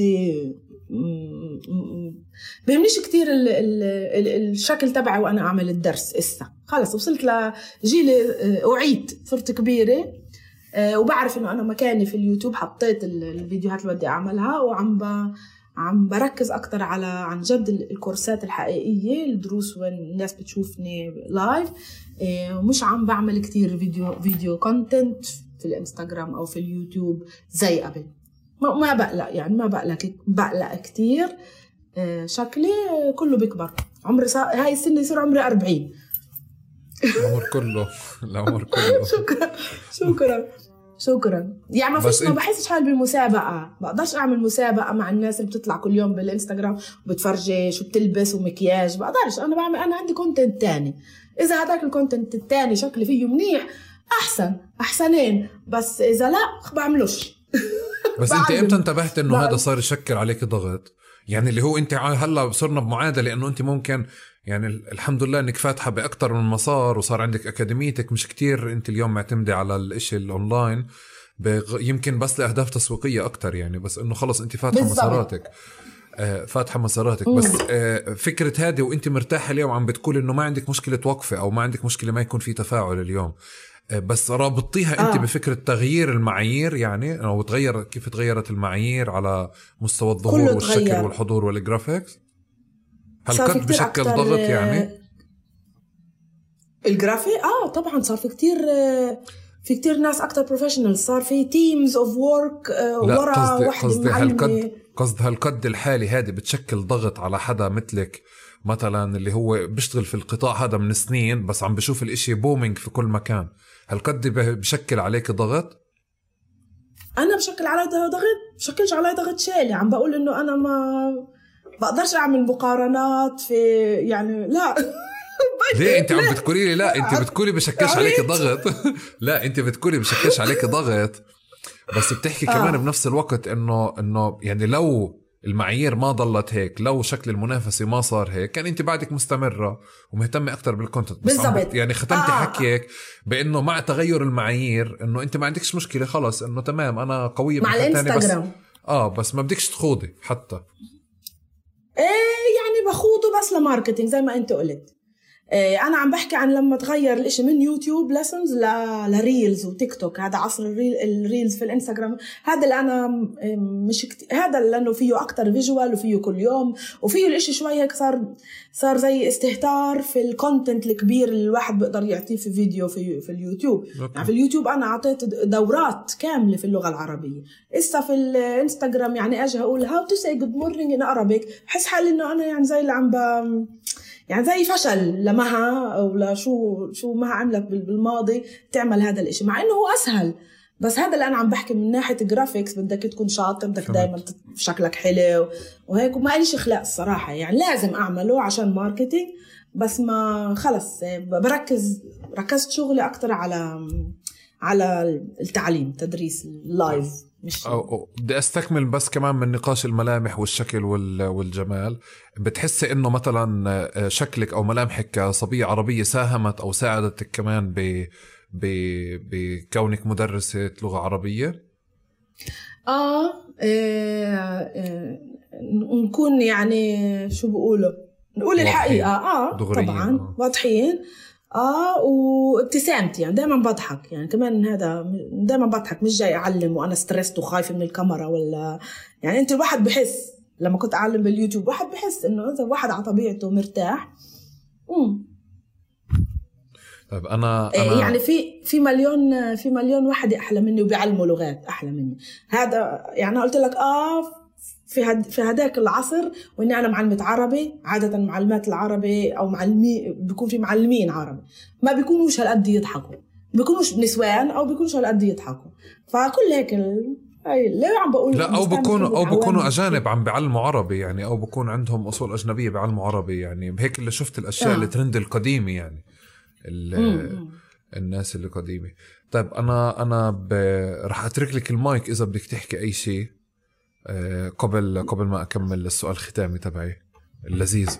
سؤال لا زاك كمل كمل لأنه كمل. يلا يلا. كمل. شو أنا تحكي أنا أنا أنا بالعاده أنا بالعاده بنهي بالمقلوبة. بحديث طويل عن المقلوبة. فخبريني واو، بتعملي مقلوبة عن- أنت؟ آم، أنا شاطرة بكل شيء إلا المقلوبة. لا يا للأسف بنت الشديد. الناس. أول شيء المقلوبة. أقول لك ليه؟ أقول لك مش ليه؟ أحسنتي يا مها. صح هون المقلوبة.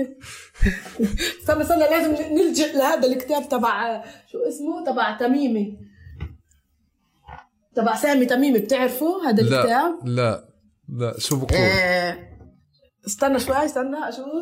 شو شو بيقول هذا شيف؟ شيف مشهور جدا فلسطيني. عمل آه، عمل كتير كتب هذا cook book. وفيه كل الأكل الفلسطيني منها المقلوبة.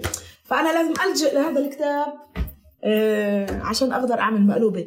أقول لك شيء المقلوبة عندنا صح هي يعني ال main typical dish Palestinian dish بس هو مش عندنا. يعني إحنا مثلا أنا المقلوبة أكلتها هون من وحدة سورية مثلا بإيطاليا. أنا المقلوبة الوحيدة اللي أكلتها من وحدة إيطا... إيطالية سورية قصدي في إيطاليا. مش حبيت. حبيت الخريطة اللي وراك. مش زاكي؟ مش يمكن مش زاكي.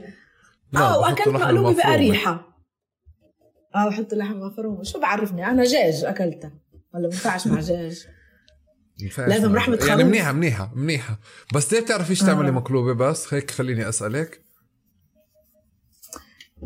أنا إيه أنا بني آدم بحب يعيد إيه، يعني بعمل إشي صح بحب أعيد عليه خلص بضل مركز بالأشياء اللي بعملها صح الأشياء اللي بعملهاش إيه، بكون حمارة فيها. يعني إذا ما زبطتاش هيك شوي بيرفكشنست إذا ما زبطتاش بعملهاش.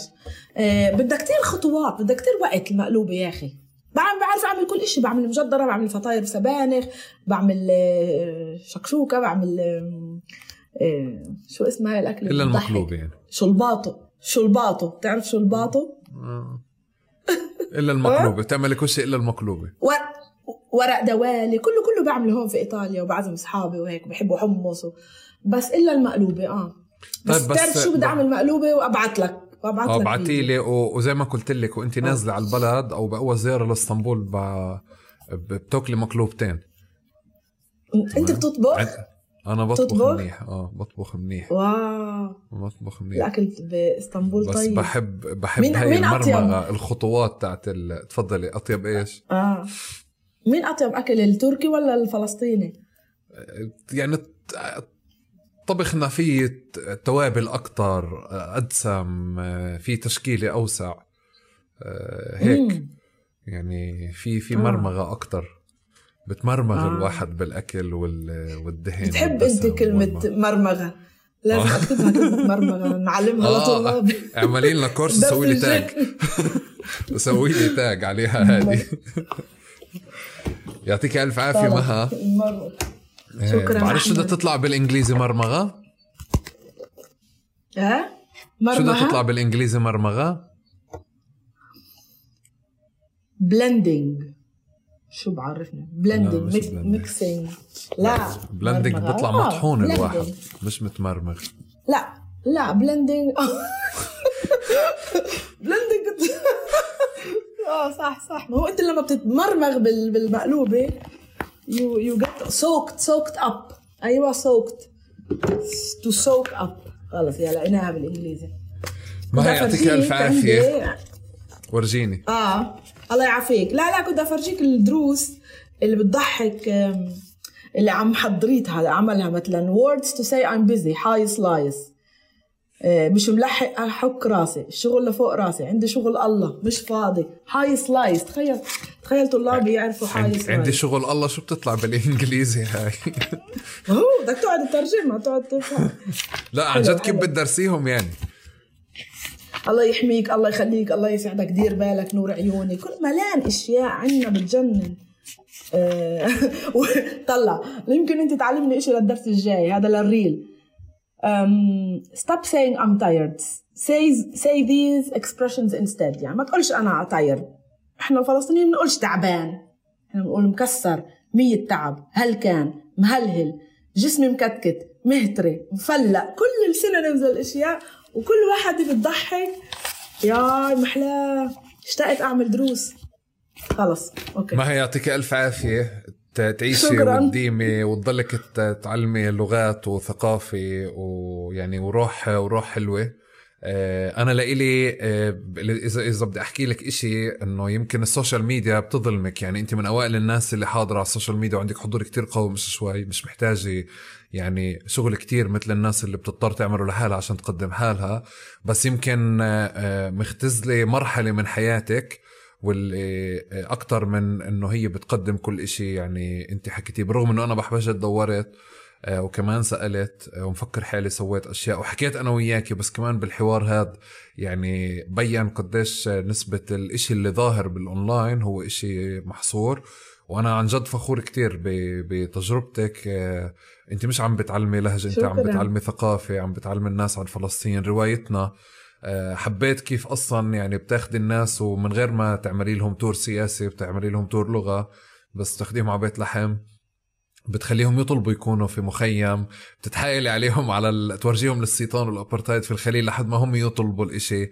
أكثر من فكرة إنهم ينزلوا مبرمجين ليشوفوا إشي. يعني آه آه هذا اللي بآخر بالاوترو تبع البرنامج بننهي فيه دائما والنعم والنعمتين هيك يعني مقطع من أغنية آه هز الرمح بعود الزين وإحنا شبابك فلسطين يعني هيك الواحد بكون فخور كتير وعن جد والنعم والنعمتين. يعطيك ألف عافية. شكرا شكرا أحمد. شكرا. شكرا لكم جميعا يعطيكم ألف عافية. آه هذه هيك جولة كانت يعني في عوالم اللهجة الفلسطينية الثقافة الفلسطينية بالنسبة للأجانب آه اللغة. وكمان تعرف على مسار ملفت من من زمن يعني ملفت كتير لأنه من زمن ال mIRC العزيز على قلبي. جدا إذا حدا كمان من جيل mIRC بعت لي يخبرني قلائل إحنا لأنه على هذا الكوكب. وكمان وصولا لفكرة كيف اللغة ممكن تكون مفتاح ل... لتواصل ومفتاح كمان لدخول دخول عوالمنا السياسية والثقافية والاجتماعية والتعرف على روايتنا. شكرا جزيلا لكم تابعوا مها. الروابط موجودة في آه، في وصف الحلقة. آه، بشكركم مقدما على مرة تانية على الاشتراك في في القنوات. آه، مشاركة المحتوى هذا مع أي حدا ممكن يكون مهتم فيه مع كل حدا مهتم وبيعرف مها. وكمان بس يعني شكرا لمحمد اللي اقترح علي مها وشكرا لكل حدا برسل مقترحاته واستفساراته وبشاركني أسئلته. شكرا لكم جميعا. شكرا.